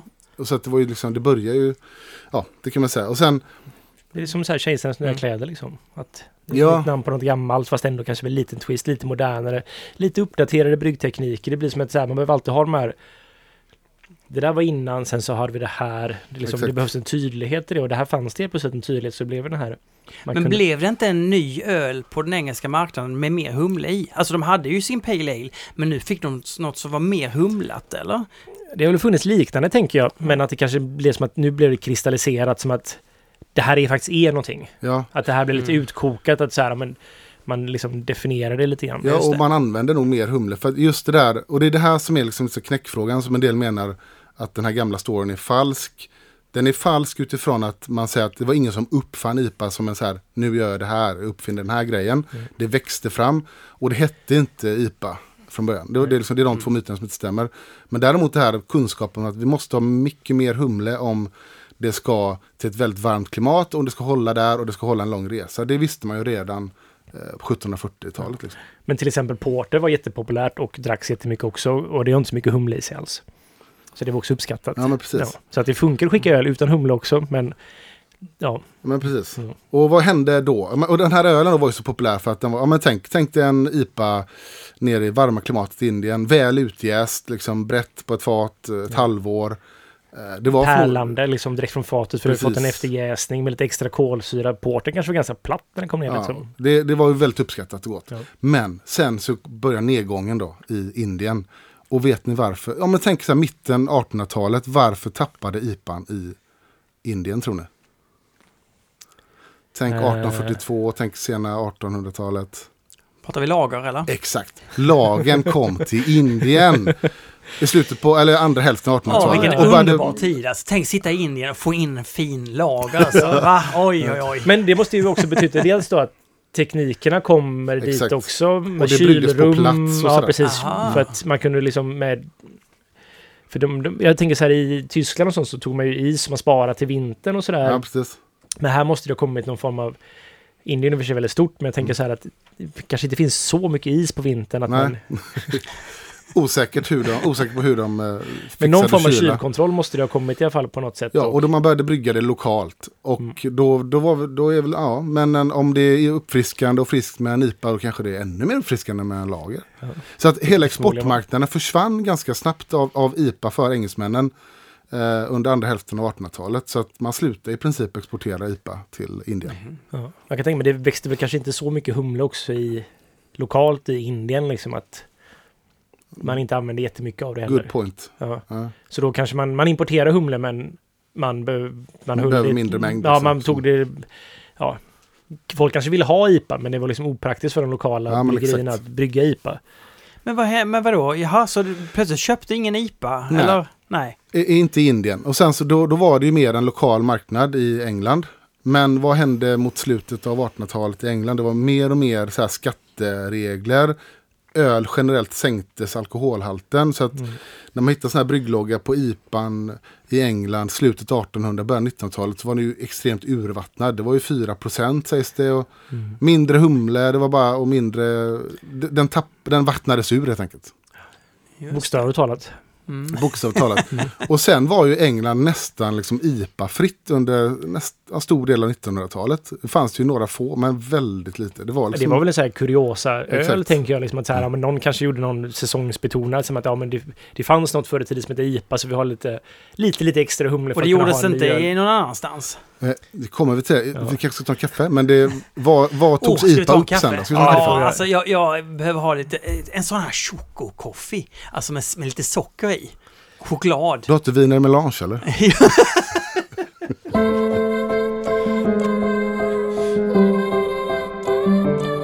Ja men alltså okej, nu är alltså IPAn helt död kan man säga. Vi är på 1900-talet. Mm. När får den liv igen? Vad är det som händer? Det, det, är, det är ju USA igen då. Som återupplivar eh, ölstilen. Eh, USA igen? Alltså, ja, men USA har ju någonstans, där börjar ju den här nya craft beer-vågen. Från att ha liksom helt och hållet dödats av eh, som att öl blev så, det blev så normaliserat på ett sätt som att det fanns sju bryggerier kvar i USA i stort sett. Med liksom många brygganläggningar men det var liksom Ja. bara sju företag som dominerade Allt. allting. Och Liksom. gjorde typ samma öl. Så. Ja, med sexradigt korn och massa adjuncts Martin. Så Ja. gjorde de, eh, men ehm, vi snackade om det tidigare. Då. Ja. Men eh, att, och det, där får man ju säga också att Carter var det som president 1976 legaliserade hembryggning. Det tror jag betyder jätte, Det betyder jätte, mycket. jätte, men jättemycket. vänt, vänta, vänta lite. Är det så sent som det börjar hända någonting? Ja. Vadå, IPAn är död sen... Ja, Den är, den är ju död ja, men det finns, det finns en intressant liksom, koppling här. Som ett, ett öl som det sällan pratas det, om. ja. Men som Ja. är jävligt intressant. För att som hela tiden fanns i USA från 1800, slutet på 1800-talet så flyttade en skotte till USA. Eh, Ballantines eh, Brewery och gjorde ett, ett öl som hette Ballantines IPA i USA 1890. Det här är lite coolt. Men det, det var ju väldigt influerat av brittisk IPA och det Ja. var ett öl som låg ett år på träfat, alltså fooders. Det var liksom väldigt välhumlat. Det var, där vet man ju liksom att det var runt 7% 70 BU finns det sådana här register man tror att det var. Och det gjordes ju, det roliga är att det gjordes mellan 1890 och eh, 1980, slutet någon gång på 80-talet tror jag. Alltså det gjordes nästan 100 år i USA, en IPA av Okej. ett bryggeri. Eh, av mer en brittisk IPA då va. Eh.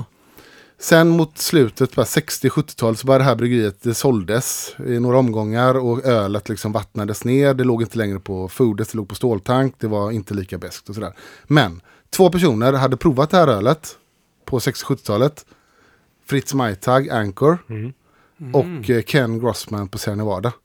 De mindes det här ölet för de hade provat det på 60-70-talet. Det måste ju varit en som en så här jätteudda fågel. Precis, Som är så här verkligen. att, vad fan vad är det här? Typ, det här är bäst, det är jättekonstigt. Alltså det fanns ju importöl och sådana saker, Ja. men det var ju också väldigt normaliserat på den tiden. Liksom i hela världen var ju öl, men det fanns ju Hefeweizen, det fanns Ah. olika tyska stilar, det fanns lite engelskt. Man kunde se att det finns olika skillnader på öl. Precis. Och så fanns det den här ölen som bara så här besk och den är inhemsk Exakt. och det är så här, vad fan är det här? Typ. Jätteudda Men så det är därför vi hade med Sierra, Sierra Nevada i ett avsnitt? Ja, Men har vi haft det? Det har, jo, men, Nej. jo, vi hade Sierra. Nevada Pale Ale. Ja. Just det. Men det som är Ja. intressant med det här ölet då, det är att det räknas ju inte till den amerikanska hantverksvågen eftersom det, det ju, fanns ju sedan 1800-talet. Men det ölet har ändå funnits hela tiden och Ja. influerat eh, de tidiga amerikanska bryggarna egentligen. Och det finns ju, Michael Jackson provade ju det här ölet och skrev om det i sina böcker. Så här, så att det är inte något så här, det är inte så jävla gammalt liksom. Eh, man gjorde tydligen, man experimenterade med så här eh, humle av kok, dess- alltså humle vad kallar vi det? Som ett extrakt nästan. Man, Ja, okej. Som man hade i... Som, av som man liksom. ersatte torrhumlingen med i princip. ah, okej. Så man kok, buljon var det tydligen humlen man använde. Mm, okej. Jag vet inte vad buljon har för ursprung. Men, Inte jag heller faktiskt. Jag skulle gissa att den är brittisk som sen odlas i USA. Liksom. USA, ja. Så att det, det är ju jäkligt spännande att det fanns där. Och då, och då pratar man så här, vilka var de första amerikanska iporna, den moderna amerikanska iporna då? Eh, den här Ballantines var ju mer en brittisk stil, men funnits hela tiden. Fritz Maytag gjorde ju ett öl som heter Liberty Ale. Det brukar man säga är det första IPAn i USA, men som inte kallade sig IPA. Men den smakar som en IPA och gjorde som en IPA. Liberty Ale 1975. Den var ju liksom, hade alla tekniska liksom, specifikationer på en IPA, och, men med, och man hade Cascade. Och Fritz Meitag gjorde den här och var influerad både av vad han hade läst om engelsk IPA, och för han var ju i England över och letade efter och hittade ju i princip inte det. Och vad han hade hört och provat av Ballantines då. Det här blir ju, man går ju tillbaks till, det är ju väldigt hipster så här att ta tillbaks någonting som fanns för länge sedan som man har ingen aning om hur det var liksom. Men att man så här, ja ja men Precis. det här ska vi göra igen för att det här var ju som man gjorde för länge sedan i moderlandet liksom för öl Ja. i England. Just det. Och alltså om vi då säger, pratar, som du nämnde, engelsk IPA. Då, då, det som definierar en engelsk IPA är att man har andra typer av humlesorter som är, håller sig lite mer på mattan. Mm. Du får en lite mörkare öl gissar jag.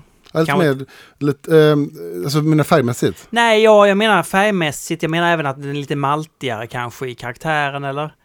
Nej, nej behöver Det inte. vet vi inte riktigt. Nej, Eller så här, nej. Det är svårt att säga på Ja. den tiden. Men, men engelsk humle var ju mer, mer örtig. Jag hade ju inte den här nya världen-humlen, Nej. citrus. Så när Anchor då gör den här, då, då börjar han föra in den Amerikanska, amerikanska humlen exakt. såklart. precis. Ja, Cascade. Men de flesta amerikanska humlesorter på den tiden försökte ju efterlikna antingen de nobla humlesorterna från Tyskland och Tjeckien mm. eller brittisk humle.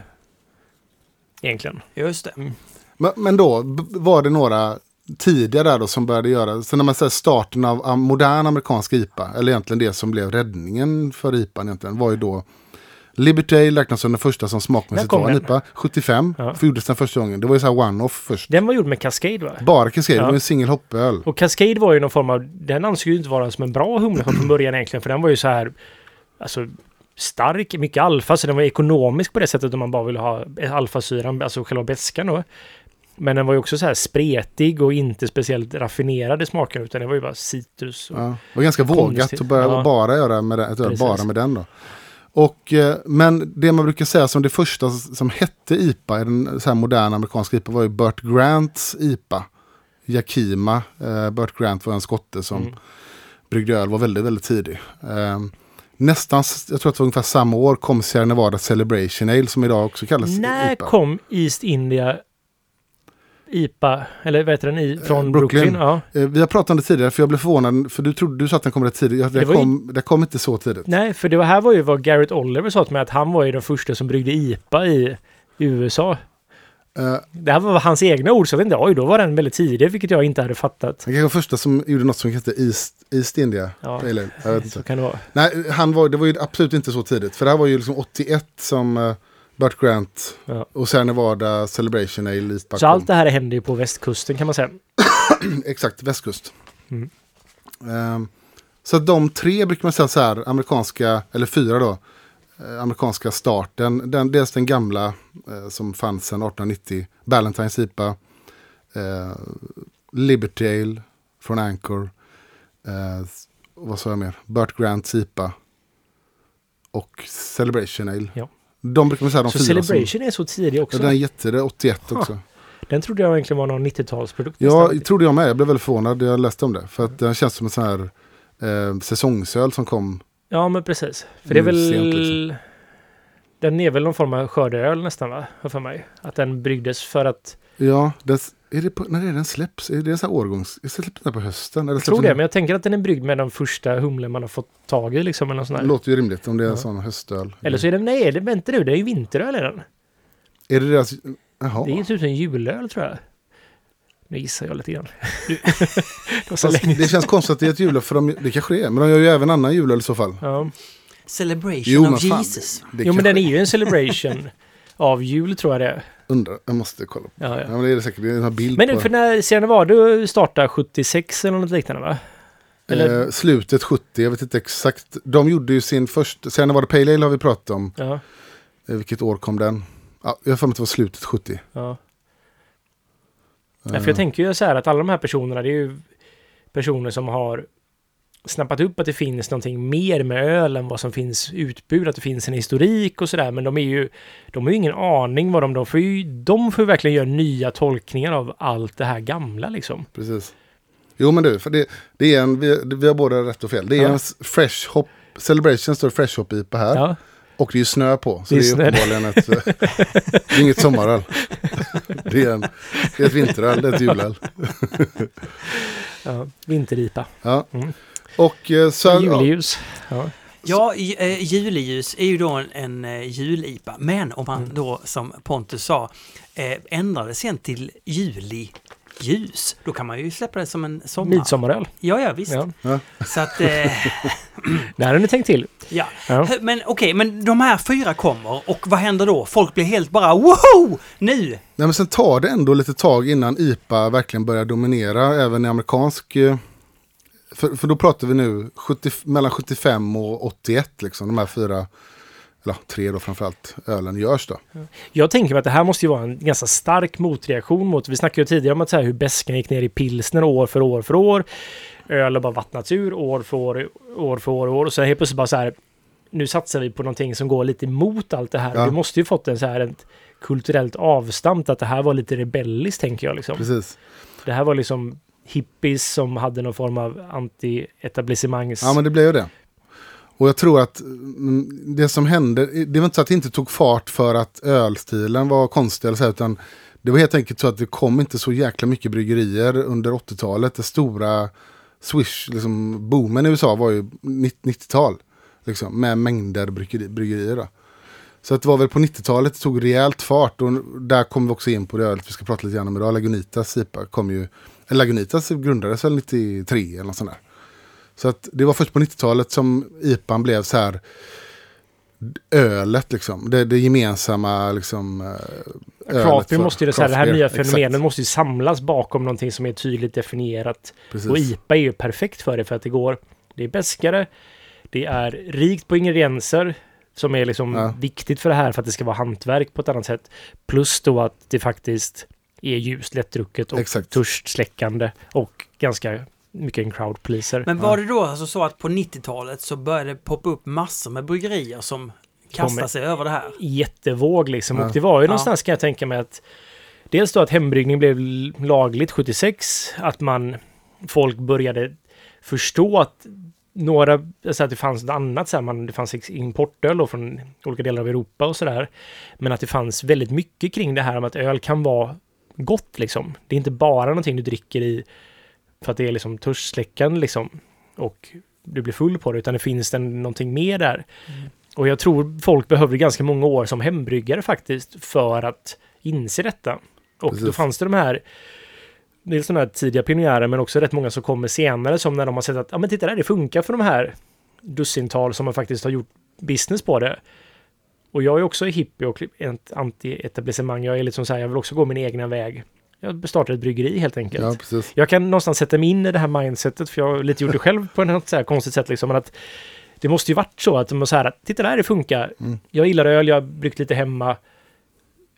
Steget att starta företag är ganska kort då. Ja, men precis. Det är liksom, Mm, det är Men det var först på 90-talet det tog fart och man inser att, man tyck, vad tror ni var, när tror ni Sveriges första IPA kom? Svensk bryggt öl som kallades IPA.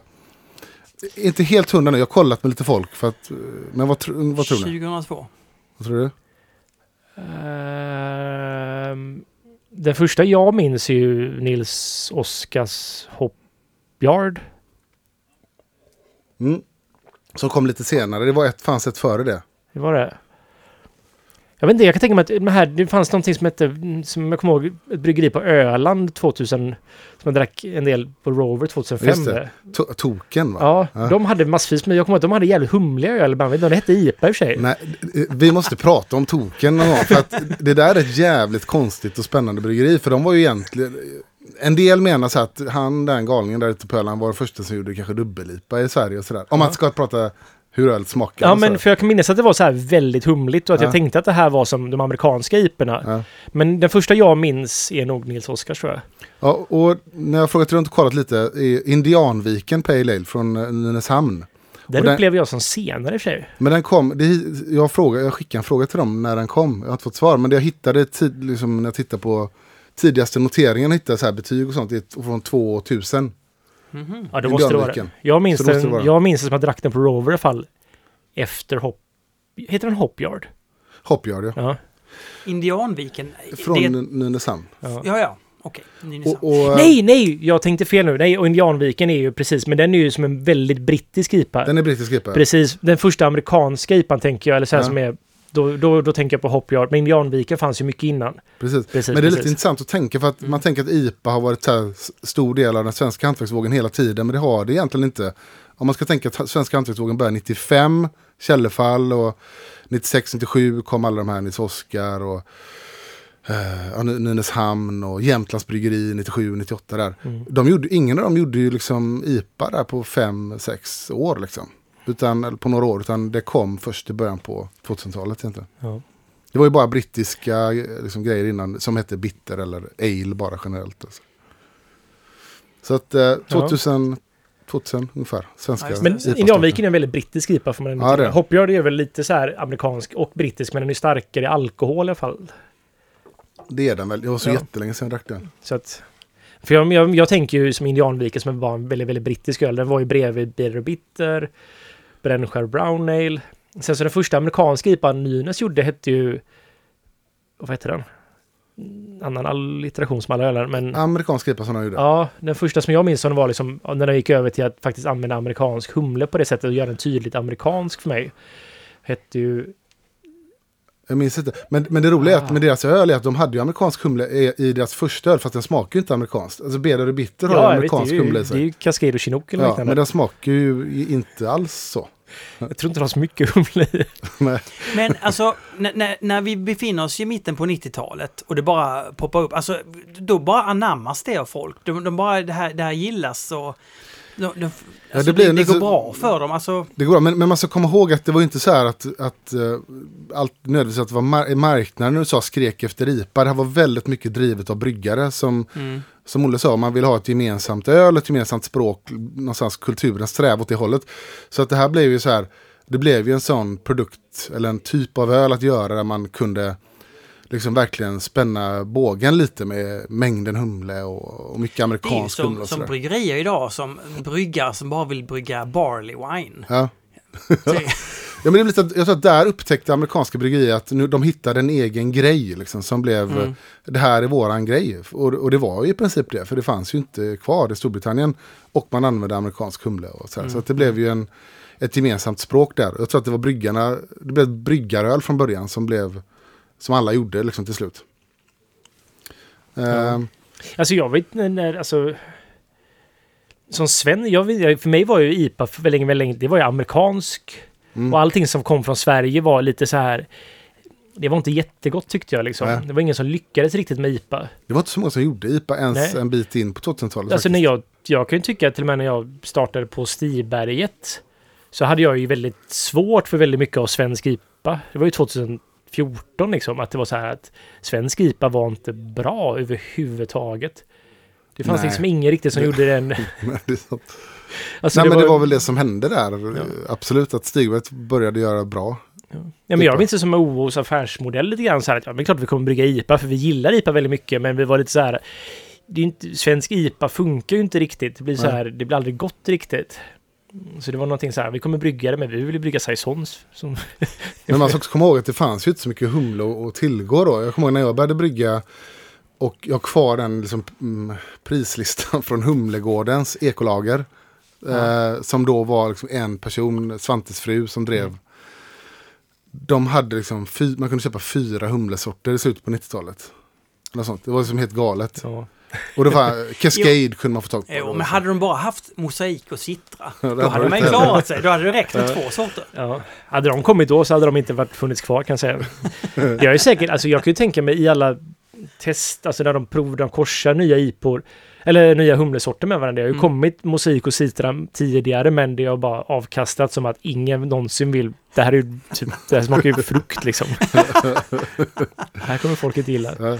Och nu kan man lura på folk vad som helst. Men då undrar man nu, vi har ju druckit en öl till idag. Har, har ni provat den? Ja, Mm. dessvärre så har jag gjort Alltså det. den var ju inte så himla rolig va? Nej, det får jag nog Eller säga. den var, den var, den Den var, var- trött och lite pappig. Eller Hade jag lite, alltså- vetat att den var så dålig som den faktiskt var så hade jag nog propsat för att det var ganska länge sedan jag drack den. Men jag kommer ihåg för att den kom ju till bolaget. Ja. Och att de gjorde en ganska stor push i Sverige med ja, liksom... Ska vi säga vilket öl det är? Ja, det, jag, jag, jag, jag kommer inte... Jag, Melleruds Moderna Ale då? ja, precis. Nej, Lagunitas IPA. precis. Lagunitas Deras IPA. standard-IPA. Och den, den kom till Sverige och då var jag så här att de hade den och så hade de Maximus som är typ en starkare någonstans mellan IPA och dubbel-IPA tror jag. Och jag var så här att jävlar vad gott det här var och färskt. Vad roligt att man faktiskt kan få tag i en prisvärd IPA som smakar så här bra liksom. Mm. Sen har inte jag druckit det så mycket efter det för att man har, det kom massa annan IPA istället Ja. som tog ja, över fokus lite grann.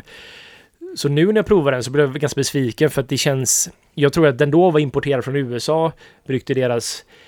Lagunitas har gjort en sån enorm Ja, uppväxling liksom. Och de, först var ju de i USA och de växte nog alldeles för snabbt. Så Heineken kom in som delägare, 50% nu är Heineken 100 procent. 100%.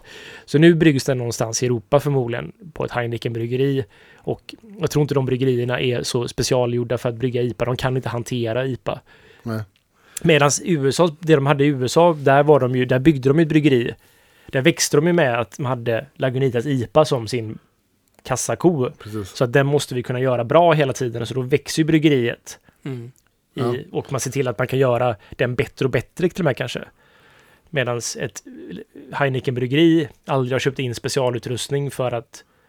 Nej, kunna nej, det göra- är ganska tydligt hur de jobbar Ja. där. De, tar över de storsäljarna och börjar brygga dem på... Precis. Jag kan ju se nu anläggning. investeringen i Beavertown som mycket mer vettig ur Heinekens synpunkt. Det kan ju bli ett Ja. IPA-bryggeri för dem för all form av... För där kommer den utrustningen vara tillämpad för.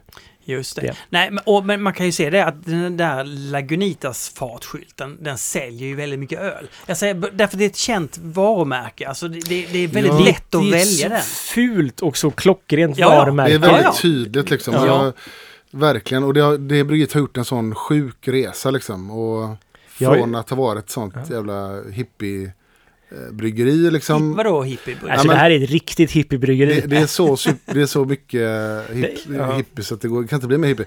Men det, det grundades 93 i Kalifornien av en, eh, vad fan hette han? Dog. eh, Dog. Dog heter han ju precis. Eh, väldigt, jag följde honom på Twitter länge minns jag. Och ena Ja. veckan så kunde han bara racka ner på allt som hade med typ att sälja ut, vara kommersiell. Och andra veckan var så här, nej, jag har sålt till Heineken. Man bara, okej. ja, den var konstig. To, to, han han hette Tony McGee Dog, något sånt mellannamn. Ja, men ja. Tony McGee. Eh, Men, och från början var han sån riktig så här, började brygga hemma. Han hade ett annat jobb som eh, gick skitdåligt, egenföretagare och höll på att liksom kastas ut ur sitt hus. Och fick den här eh, idén att börja liksom brygga öl. Så här briljant idé. Jag tror han kanske var lite av en eh, stoner också. Att han tyckte det var roligt att, Ja, ja, ja. att humle och cannabis hade mycket likheter. ja, det finns mycket så här cannabisberättelser om det här bryggeriet. Ja. Som har gett upphov till flera av ölnamnen och sådär. Eh, men de 93, det här blir snabbt växande. Jag tror att under några år var det USAs snabbast växande craftbeerbryggeri.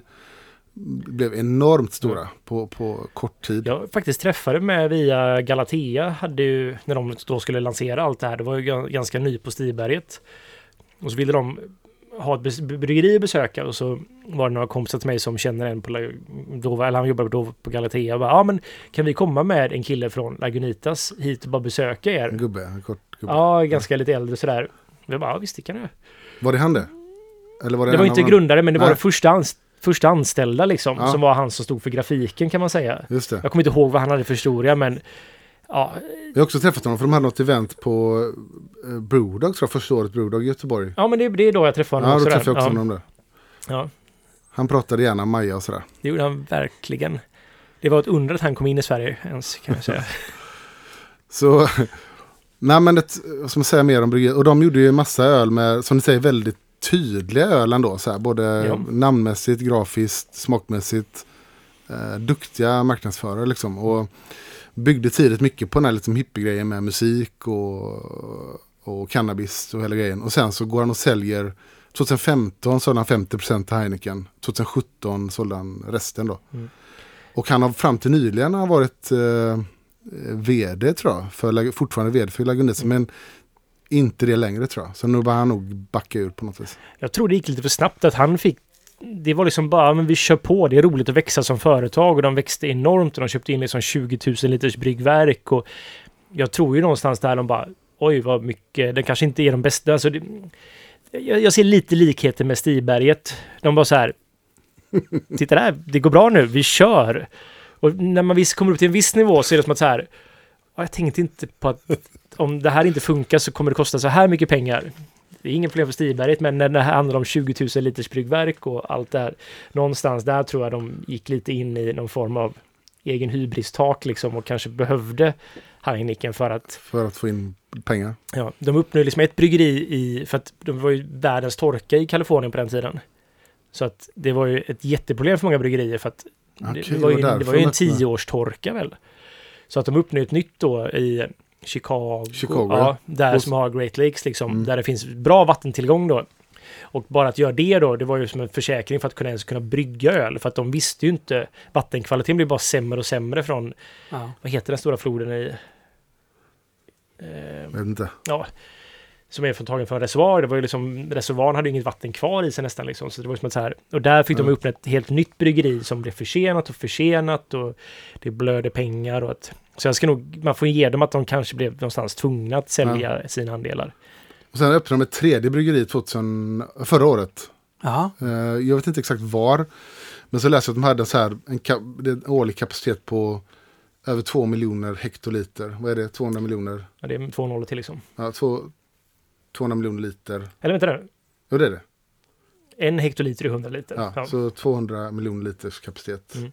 Bryggeri byggde de ett nytt Ja. 2018. Spendrups gör 220 miljoner liter inklusive läskproduktionen tror jag det Åh, läsk. Ja. Ja. Ja, nej men, men eh, jaha.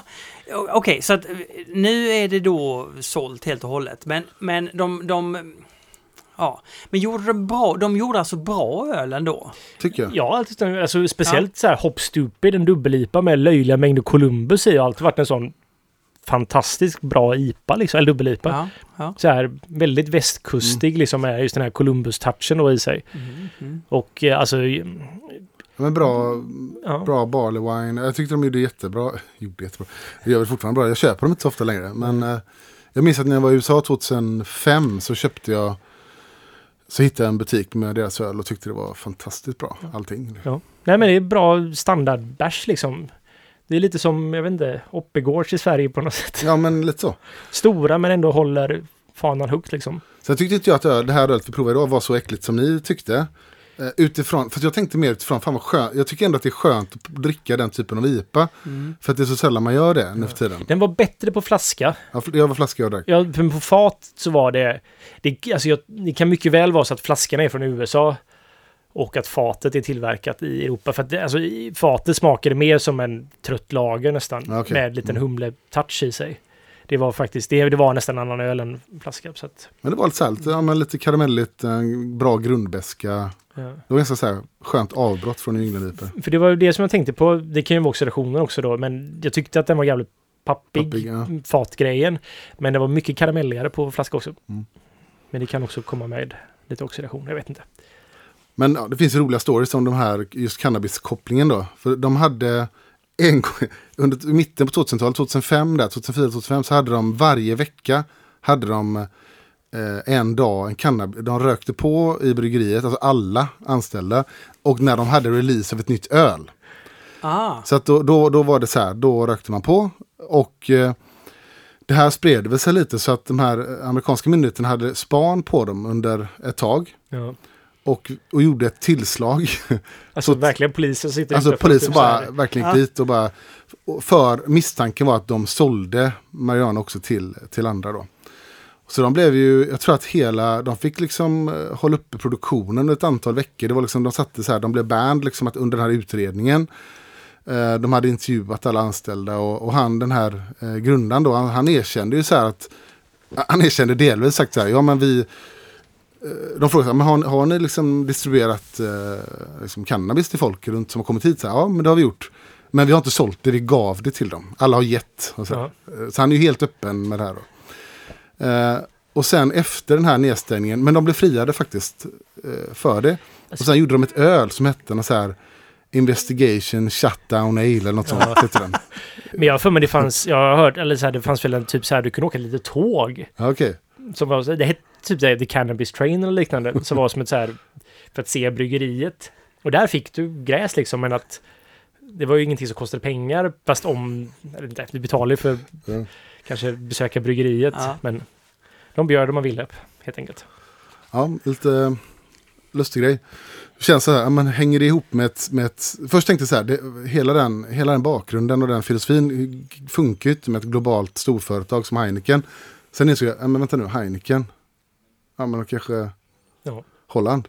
Ja. Mm. De kanske tycker det här är en bra grej. Eller är det helt okej, eller inte farligt. Eller... Nej, jag tror inte de. Och jag tror, alltså, den, de pengarna som stoppas in i CBD-öl och cannabisöl här nu kommer... Jag släppte de inte ett vatten också med, med oljor i? Alltså, jag vet ju att Lagunitas säljer ett vatten med humle i. Ja, det kanske jag blandade ihop det. då. Men det är ju förstadiet till att sälja, det är som att värma upp marknaden för att sälja vatten med cannabis i.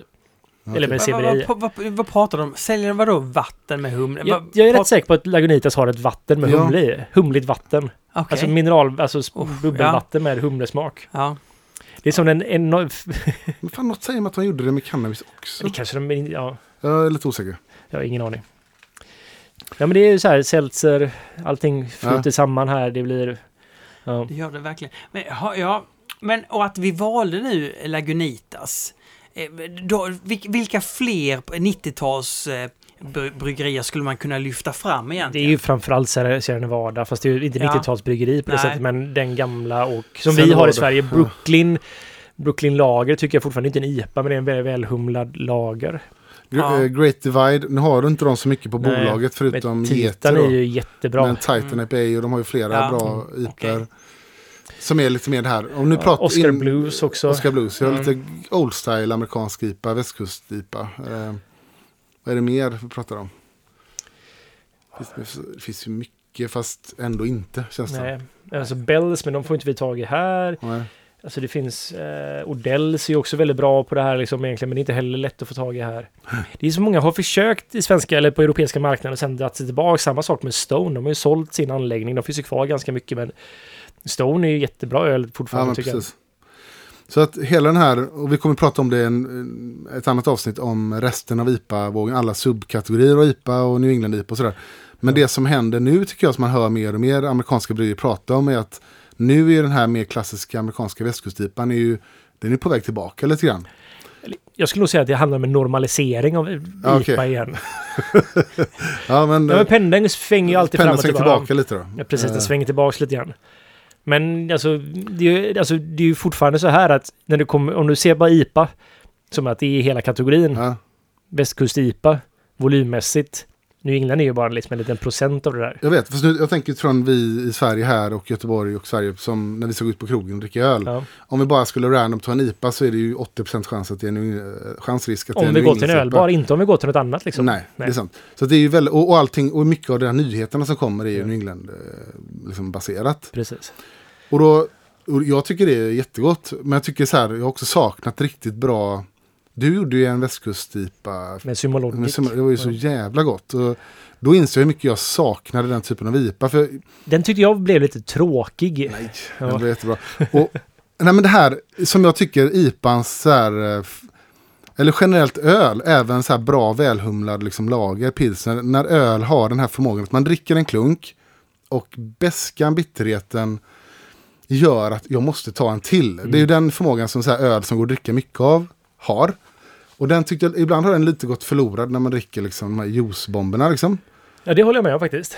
Det är mi- mindre motstånd, men det är också lättare att dricka mycket av den på en. Det finns ju en så här en balans med att dricka någonting som har den så mycket beska. Ja. För att du vill dricka mer. För att, Men dölja, samtidigt- för att svälja ner den bäskan du har i munnen. Precis, medans, men du gör, du gör det i en lagom takt för att du, det var fortfarande lite motstånd liksom.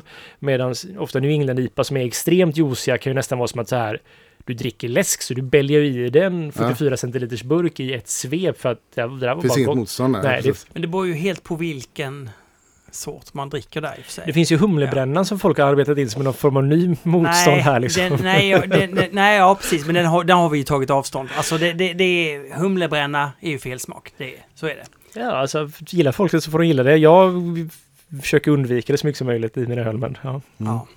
Ehm, bra, så, så nästa, nästa gång vi, vi, nästa avsnitt, Mm. då kommer vi snacka New England IPA och alla... Alla de här tarmarna på IPA liksom. Vad händer Ja. med Black-IPan? Ja,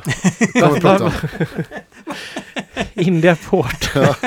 Nej, men eh, ja. Det låter som ett underbart avsnitt ja. Vi alltså. kan också prata lite om hur, va- varför IPA också så här, eller hur nya stilar egentligen kommer fram. Ja. Vad är det som händer? Eh, och vilken öl ska man då alltså dricka till nästa avsnitt? Nu kommer jag vara jävligt eh, partisk och egoistisk här, men jag tycker man ska dricka Narangi.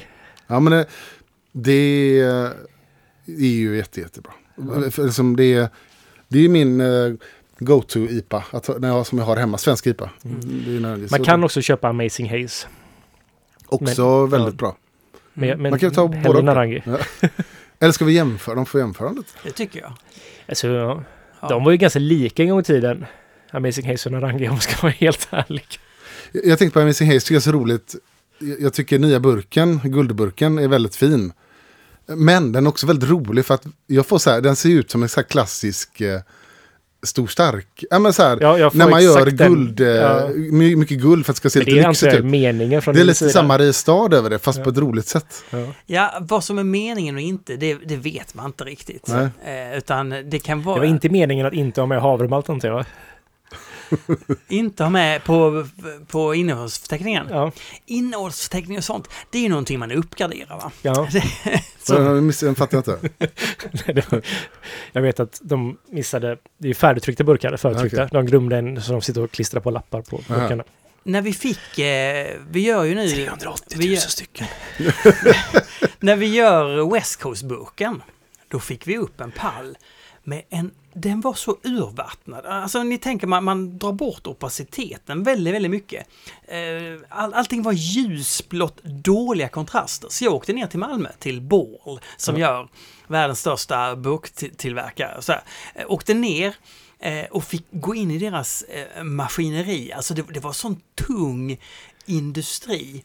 Eh, och, och Jag har alltid velat, jag vill verkligen besöka den här fabriken. Alltså det var, det var så grymt och så kom de upp experter på det här olika och de, då, då gör man ju så att man på, man måste behandla plåten för att det är väldigt, alltså att, att trycka på en metallyta färg och få det att fastna, det är supersvårt. Det är svårt. okej. Ja. Det är därför många Men var det här första är... gången när du gjorde den eller hade du sett bättre ut innan? Eller fattar Nej, inte. vi fick en dålig. Ja. Och då sa de, nej ni får komma ner och eh, hjälpa Förklara. och st- styra upp det här. Så jag, jag åkte ner, Fabrikön. fabrikören, och jag åkte ner. Ja. Eh, och då berättade de att ja, det är så här att ni kan ha max åtta färger.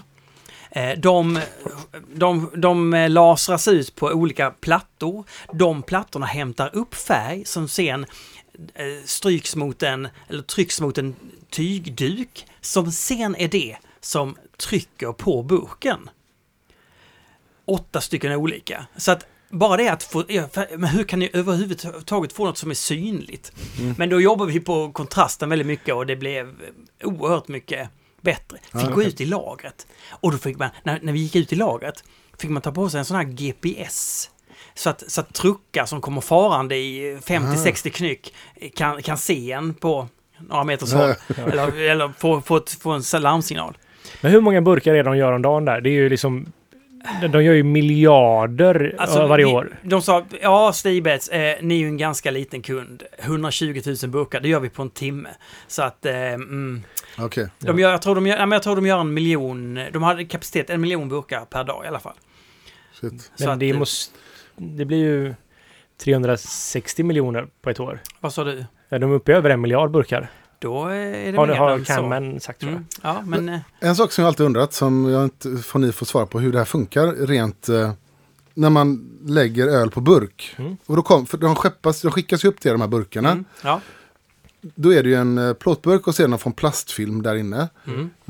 Är det någon process där det här desinficeras, liksom, den här burken? Det är ju sterilt i produktionen. Jo, fast sen så ska den då, kom, de är ändå öppna liksom. Kommer Ja, det över någon Det är ju samma med flaskor. Så jag vet, men de, jag tycker de, de ligger burkar med, känns ju känsligare liksom. Stor det är ju känsligare men man har ju oftast, man ska ju ha en rinser innan de har med flaskor också. Att, Ja, okej. Men alltså så är det.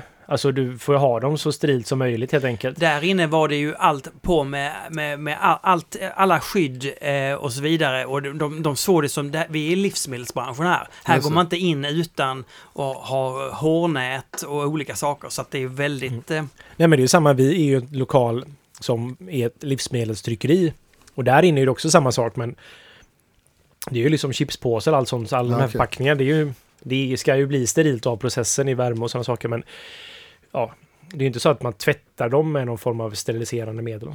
Ja, okej. Nej. Ja, Men alltså det kan ju bli problem men det är ju nog styckvis eller om man då Just det. missköter det väldigt mycket. Helt enkelt. Men den är väldigt fin den där burken också, måsen. ja, den eh, kommer att bli... Men det var Bra. dubbelmåsen antar jag då? Nej. Nej. Nej, dubbel Ja, det kommer vanliga måsen också? Ja, den vanliga måsen kommer som tryckt. Ja, Okej, burk. okej. Ja, ja. Mm. Jag fick bara för mig att det var dubbelmåsen tänkte jag. Nej, men dubbelmåsen är nog etikett. Ah, det är klart. Ja. Ja. Just det. Mm. Jag skulle bara avrunda Macy med Haze-burken då. För jag Ja. var på, jag käkade lunch med mina kollegor på um, Kometen i, Ja. i, igår. Ja! Och åt bara så här. Eh, Ja. Jag, jag käkade eh, kålholmar och så här. Mm. Och så beställde vi in uh, West Co- eh, nej, Hey Amazing Haze. Ja, Det kändes så roligt att sitta där inne i den miljön som är så här, inte har ändrats på jävligt länge. Bara gamla människor. Och så den här guld uh, Mariestadsliknande burken. Jag fick en sån här bild framför mig. Men Amazing Haze kommer ju vara gubbölet om 30 år. Det kommer vara så här. Det är Mariestad om 30 år. Det kommer det nog vara. Men han, han, han ringde mig och så sa han så här, ja, ge, skicka hit eh, fyra, fy, fyra Amazing Haze bu, bu, burk. Burkar. Ja, nej, men alltså fyra, fyra lådor Amazing Haze. Ja, då vill jag bara säga att nu är den ju då på, på burk. Så att, eh, ja vadå då? Eh, eh, nej, eh, ja, nej, det är ju samma pris och det är samma mängd och den smakar likadant. Ja, bra, skicka hit! så att vi- vissa restauranger är ju lite mer, eh, kan ju dra öronen åt sig när, när man går från flaska till burk. Ni märker det, det är intressant. För vi pratade om det. Så här, Absolut. för någon i vårt sällskap tyckte så här. Det känns fortfarande konstigt på en burk framställd på en restaurang när man äter mat. Tyckte någon. Vi var ju rädda att äkta pill skulle lida av det när vi la den Mm. på burk. Men det har inte varit så farligt faktiskt. Vi har ändå haft den på en så här fine dining-krogar. Men de verkar vara som att så här... Jag tror det är som att det kan vara lite, alltså typ som naturviner kan ju ha någon form av, det ser inte så klassiskt ut liksom. Att det nästan har Nej. blivit en form av att det är lite spännande att det faktiskt bryter, fattar. att det Mm. bryter av liksom. Det Att det har nästan kan vara kommit, ja. mer... Det har kommit så mycket burkar nu så att många restauranger tycker det är okej. Andra klarar inte av det utan de bara, ja, nej då tar vi den, har ni någon kvar på flaska? Ja, vi har ju...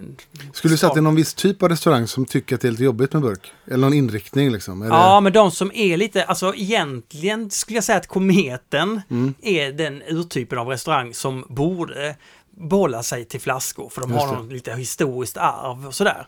Men, men de har ju en cool eh, kökschef eh, som bara kör på. Okej. Eller restaurangchef. Så, att, så, att, så det, det handlar ju lite om personlighet också. Mm. Eh, och eh, nej, men till exempel eh, Sjömagasinet är en sån som, som man pratar om. Där, där, där, går, där byter man inte hur lätt som helst och där är det mycket stil och sådär va. Till exempel va. Eh, Mm. Men, men, ja, Också lite, ja, okej. men alla är medvetna, nej men alla är medvetna om att ja, men burk är cool och de som Mm. köper in tycker, ja, men jag tycker själv burk, Men burk, är det nya. Alltså, Ja. Systembolaget kommer nog snart börja lägga på. I Norge är det till exempel så att du betalar ju mm, ganska mycket mer för att det är en flaska på, i Norge. Var det så? Bu- Ja, ja. burk har ju liksom så här, det är, det är som en extra skatt på flaska Mm. liksom. Miljöskatt kan man säga så. Det blir dyrare för konsumenten. Ja, okej. Så burk är, burk är det nya. Och det kommer Systembolaget garantera också Mm. börja göra snart. Ja. Skulle jag gissa. Om de inte redan gjort det kanske. Jag vet inte. Ingen aning. Men eh, drick Narangel Amazing Haze nästa vecka. Och så ska vi jämföra Ja, till nästa månad. Eller ska göra. vi köra varje vecka nu? nej, nej, nej. Kompensera. Nu blir det varje månad. Nu blir det varje månad. Eh, ja, det, det var väl inte jättetråkigt det här va? Nej. Det är lite Nej. varmt inne bara. Ja, men så är det. Så Mm. är det när vi gör ölpölen. Då tackar vi Ina för att du nu återigen klipper det här till mästerverk ist- istället för de här slarviga sommaravsnitten som har varit. Mm, det var ju fint det också. Ja. Ja, det var lite roliga grejer du la in där. Ljudeffekter så här ibland. Låter det lite sånt? Man men det är ska också gå med i Svenska Ölfrämjandet. Ja, och så tycker jag att en liten prenumeration på Caro Hops kan vara på sin plats.